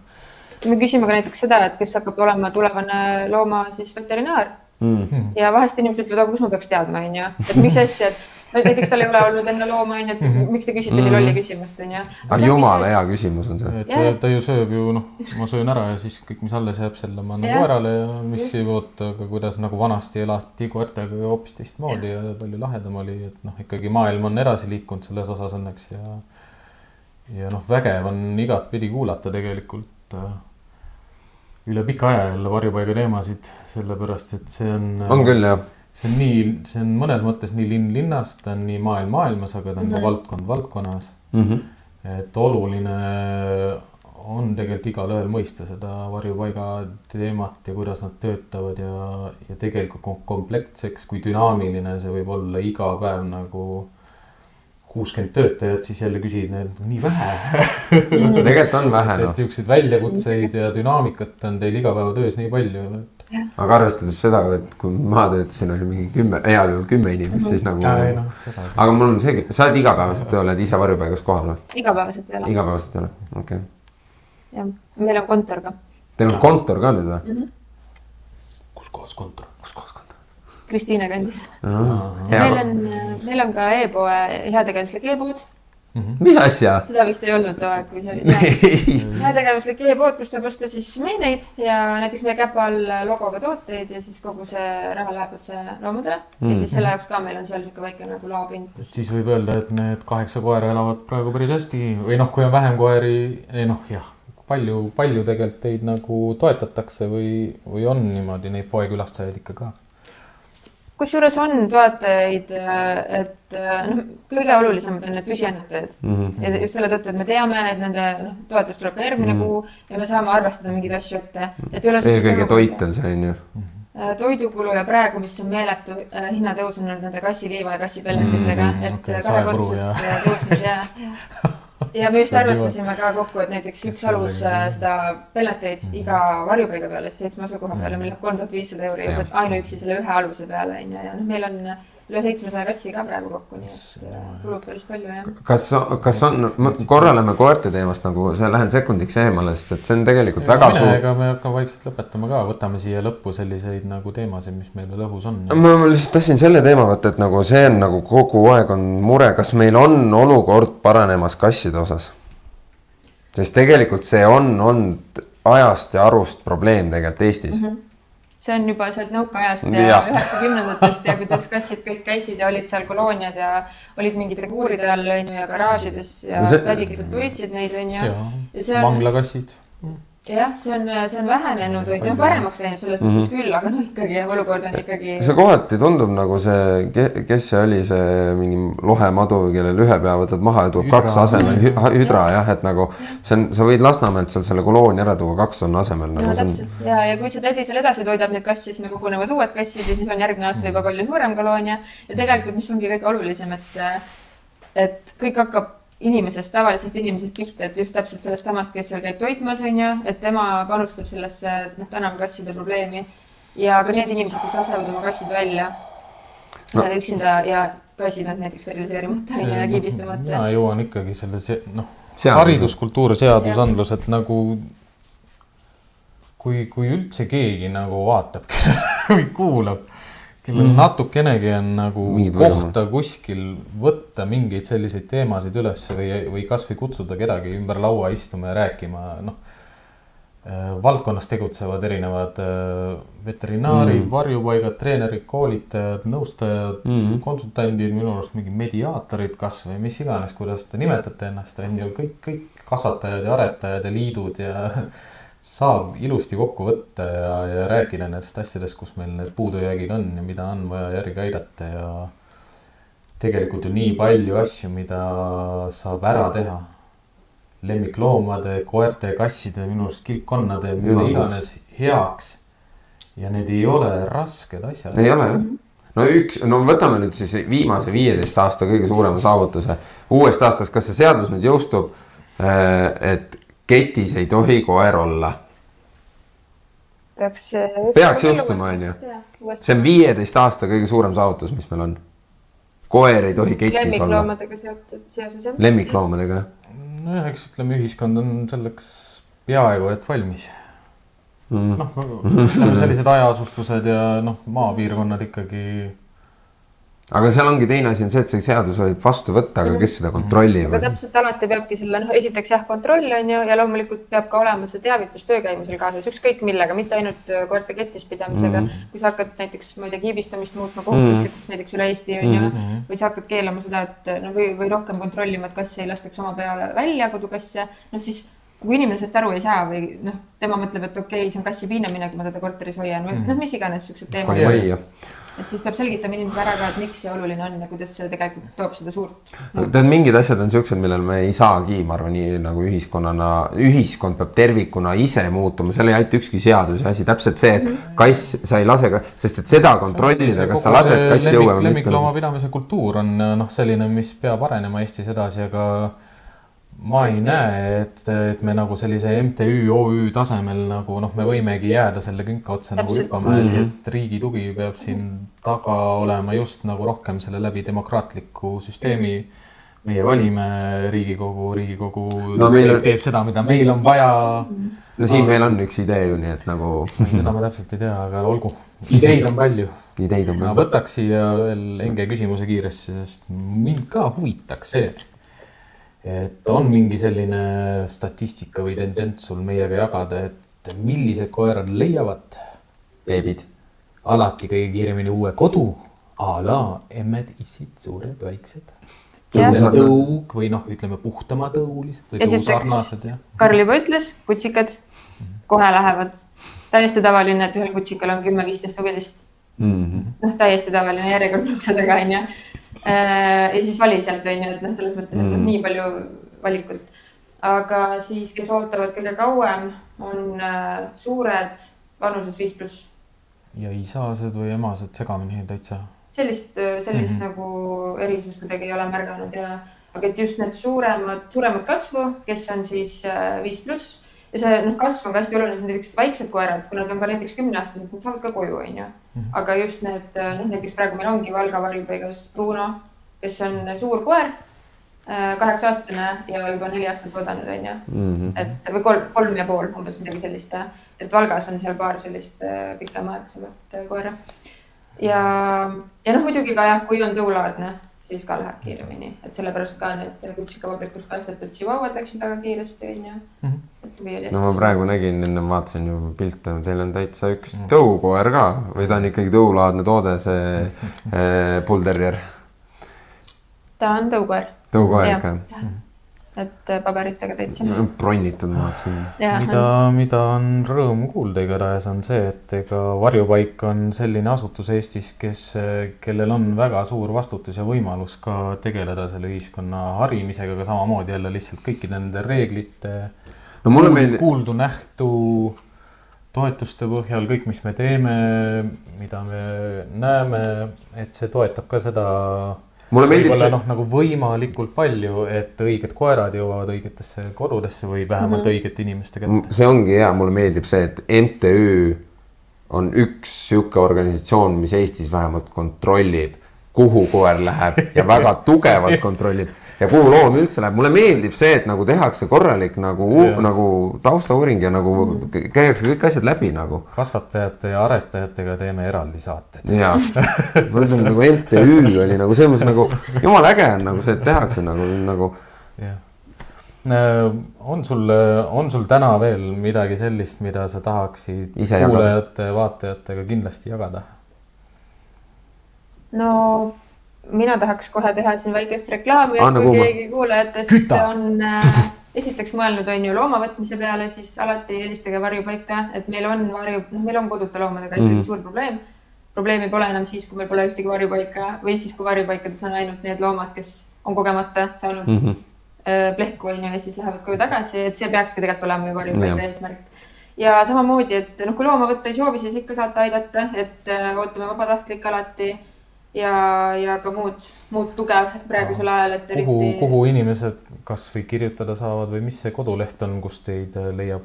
Äh, saab vaadata lehelt www.varjupaik.ee ja seal on siis kõik info olemas, et kõik loomad, kes meil on, on seal. varjupaik, mitte oaik. jah, ja, ja seal on ka info siis vabatahtlikuks tulemise kohta mm. -hmm. punkt ee. nii vist jah, jah, jah. niimoodi kirjutatakse mm. -hmm varjupaik.ee, väga lihtne, kõigil peaks meelde jätma kõik.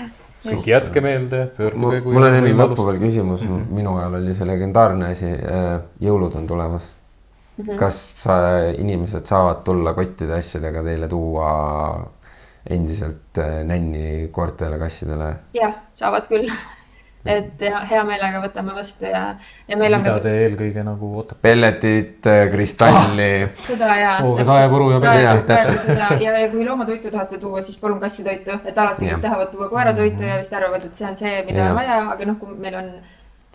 viis koera, sada kassi. jah no., täpselt, täpselt, et seda kassitoitu kulub päev, iga päev meeletult palju, nii et. palju teil hetkel kasse sees on? Äh, terve MTÜ peale on üle seitsme. Tallinn? kakssada. kakssada kakssada kassi, üks koer. et päris suur ja terve Eesti peal on siis viiskümmend, viiskümmend kaks koera ja mm -hmm. üle seitsmesaja kassi praegu. kuule, täitsa, mina ei tea, täitsa head numbrid tegelikult, et ei ole, noh, Eestis ma ei, noh, Eesti tänavapildis ma ei näegi niimoodi hulkuvaid koeri palju, võib-olla, võib-olla tänavapiir, noh, ütleme noh, mul endal oli selline koer, kelle ma lasin hommikul rõdult välja ja õhtul lasin sisse, aga noh, vaata jälle, kus ma elan milline see koer on, kuidas ta inimestega suhtleb, kuidas sotsialiseerunud on, kui ta noh. põhiline, mida ma klientidele ka alati ütlen, et kuidas nagu mõõta seda, et, et kas mul on üldse vaja abi või nõu.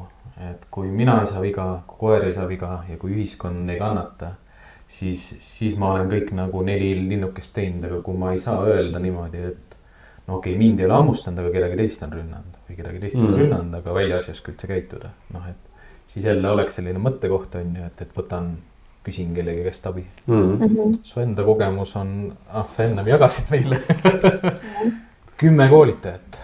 no umbes nii jah.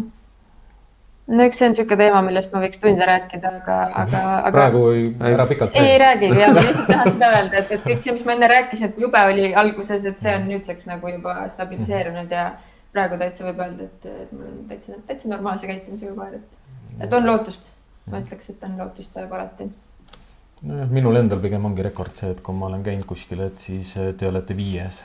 mul ei ole rohkem nagu olnud. ma olen nüüd, ma olen kuues. sul on kuues jah ah,, sul on, sul on jälle parem, tal on kümme no, no ei, aga see, see on nagu, see on, me juba arutasime, et see on probleem las ta olla yeah.. aga nagu noh, ma ütlen, ma olen Fredi näinud ja Fredi on nii äge koer, ta näeb nii lahe välja, ta on pehme ka ja ma panen veel tausta normaalseks siin ja mm. saame niimoodi vaikselt siis otsad tänaseks ja... kokku tõmmata ja suur-suur aitäh, et sa said tulla, ega me saamegi aru, ega me pommitame ka siin inimesi praegu niimoodi ja, ja suht lühikese etteteatamisega ja, ja, ja noh, kommunikatsioonialalt nagu sa tuled, siis juba kõik Karolid ja kõik teadsid juba enne seda, kui meie mm, -hmm. meie ise jõudsime ühendust võtta, et selles mõttes hästi tore et inimestele ka kõigile siis äh, meeldetuletuseks jah, et varjupaik.ee on selline lehekülg, kus te saate minna ja vaadata endale siis uut sõpra või lemmikut või vähemalt mm -hmm. siis kaaluda vähemalt sellist võimalust. kasvõi proovida selle ära, et, et milline side teil selle looma või koeraga tekib mm. -hmm. hästi ju super võimalus saada kogeda seda ennem seda, kui sa pead nagu avastama, et mis siis saab, kui ta viieaastaseks saab jah, et eh, no varjupaigakoerte puhul ma ütlen alati ka selle, et kui te sinna lähete, siis ja plaanite sealt koera võtta, siis nagu kaaluge kõik asjad läbi ja küsige ka varjupaigast alati nagu kontakti, kelle poole pöörduda, kui on Elistage. Eh, koeraga nagu abi vaja, et mm. just käitumusliku poole pealt ja kes aitaks teid, et harida teid just. et nagu kindlasti varjupaigatöötajad teavad ka seda et äh, aga seda kontakti alati tasub ka küsida, et äh, see kulub marjaks ära mida mina kindlasti kõikidele inimestele tahan südamele panna ja üldse, kes, kellele ka meeldib koeri aidata ja abistada, võtta neid Venemaalt ja Küproselt ja kui te toote neid koeri, siis ärge keskenduge nii palju sellele, mis nendega on olnud, kust nad Jah. on tulnud. püüdke elada hetkes, elage õnnelikult, elage Mm. rõõmsalt, elage sõbralikult. yes. ja subscribe ige meid ka jah, järgmised osad endiselt veel kolmapäeviti. Kolmapäeviti, üksteist kolmkümmend. Saame siia veel ja igasugu kui on huvitavaid inimesi. kui tekib küsimusi, siis ennem Siim pani meili ka ülesse, saate sinna küsimusi saata endiselt. kui soovite saatesse meile tulla, nagu Siim teada. ütles, piisab sellest, et teile meeldib, kui olete koertega kokku puutunud, siis äh, usun ka, et kui teema on piisavalt intrigeeriv ja Mm. küsimus on piisavalt aktuaalne, siis äh, ja, ja saab sellist nagu kriitilist, kriitiliselt analüüsitud äh, faktidel põhinevat vestlust pidada, et siis iga, igatahes on kõik, kõik oodatud siia. seniks, ma ei tea, ilusaid lumepühi varsti vist. häid jõule ka, eks me näeme enne jõule ka, aga nautige, lund sajab, Tallinnas vähemalt täna sadas, nii et nautige. ja ärge unustage, teadmatus ei ole. ei ole lollus. nii et nägemiseni, aitäh. tšau.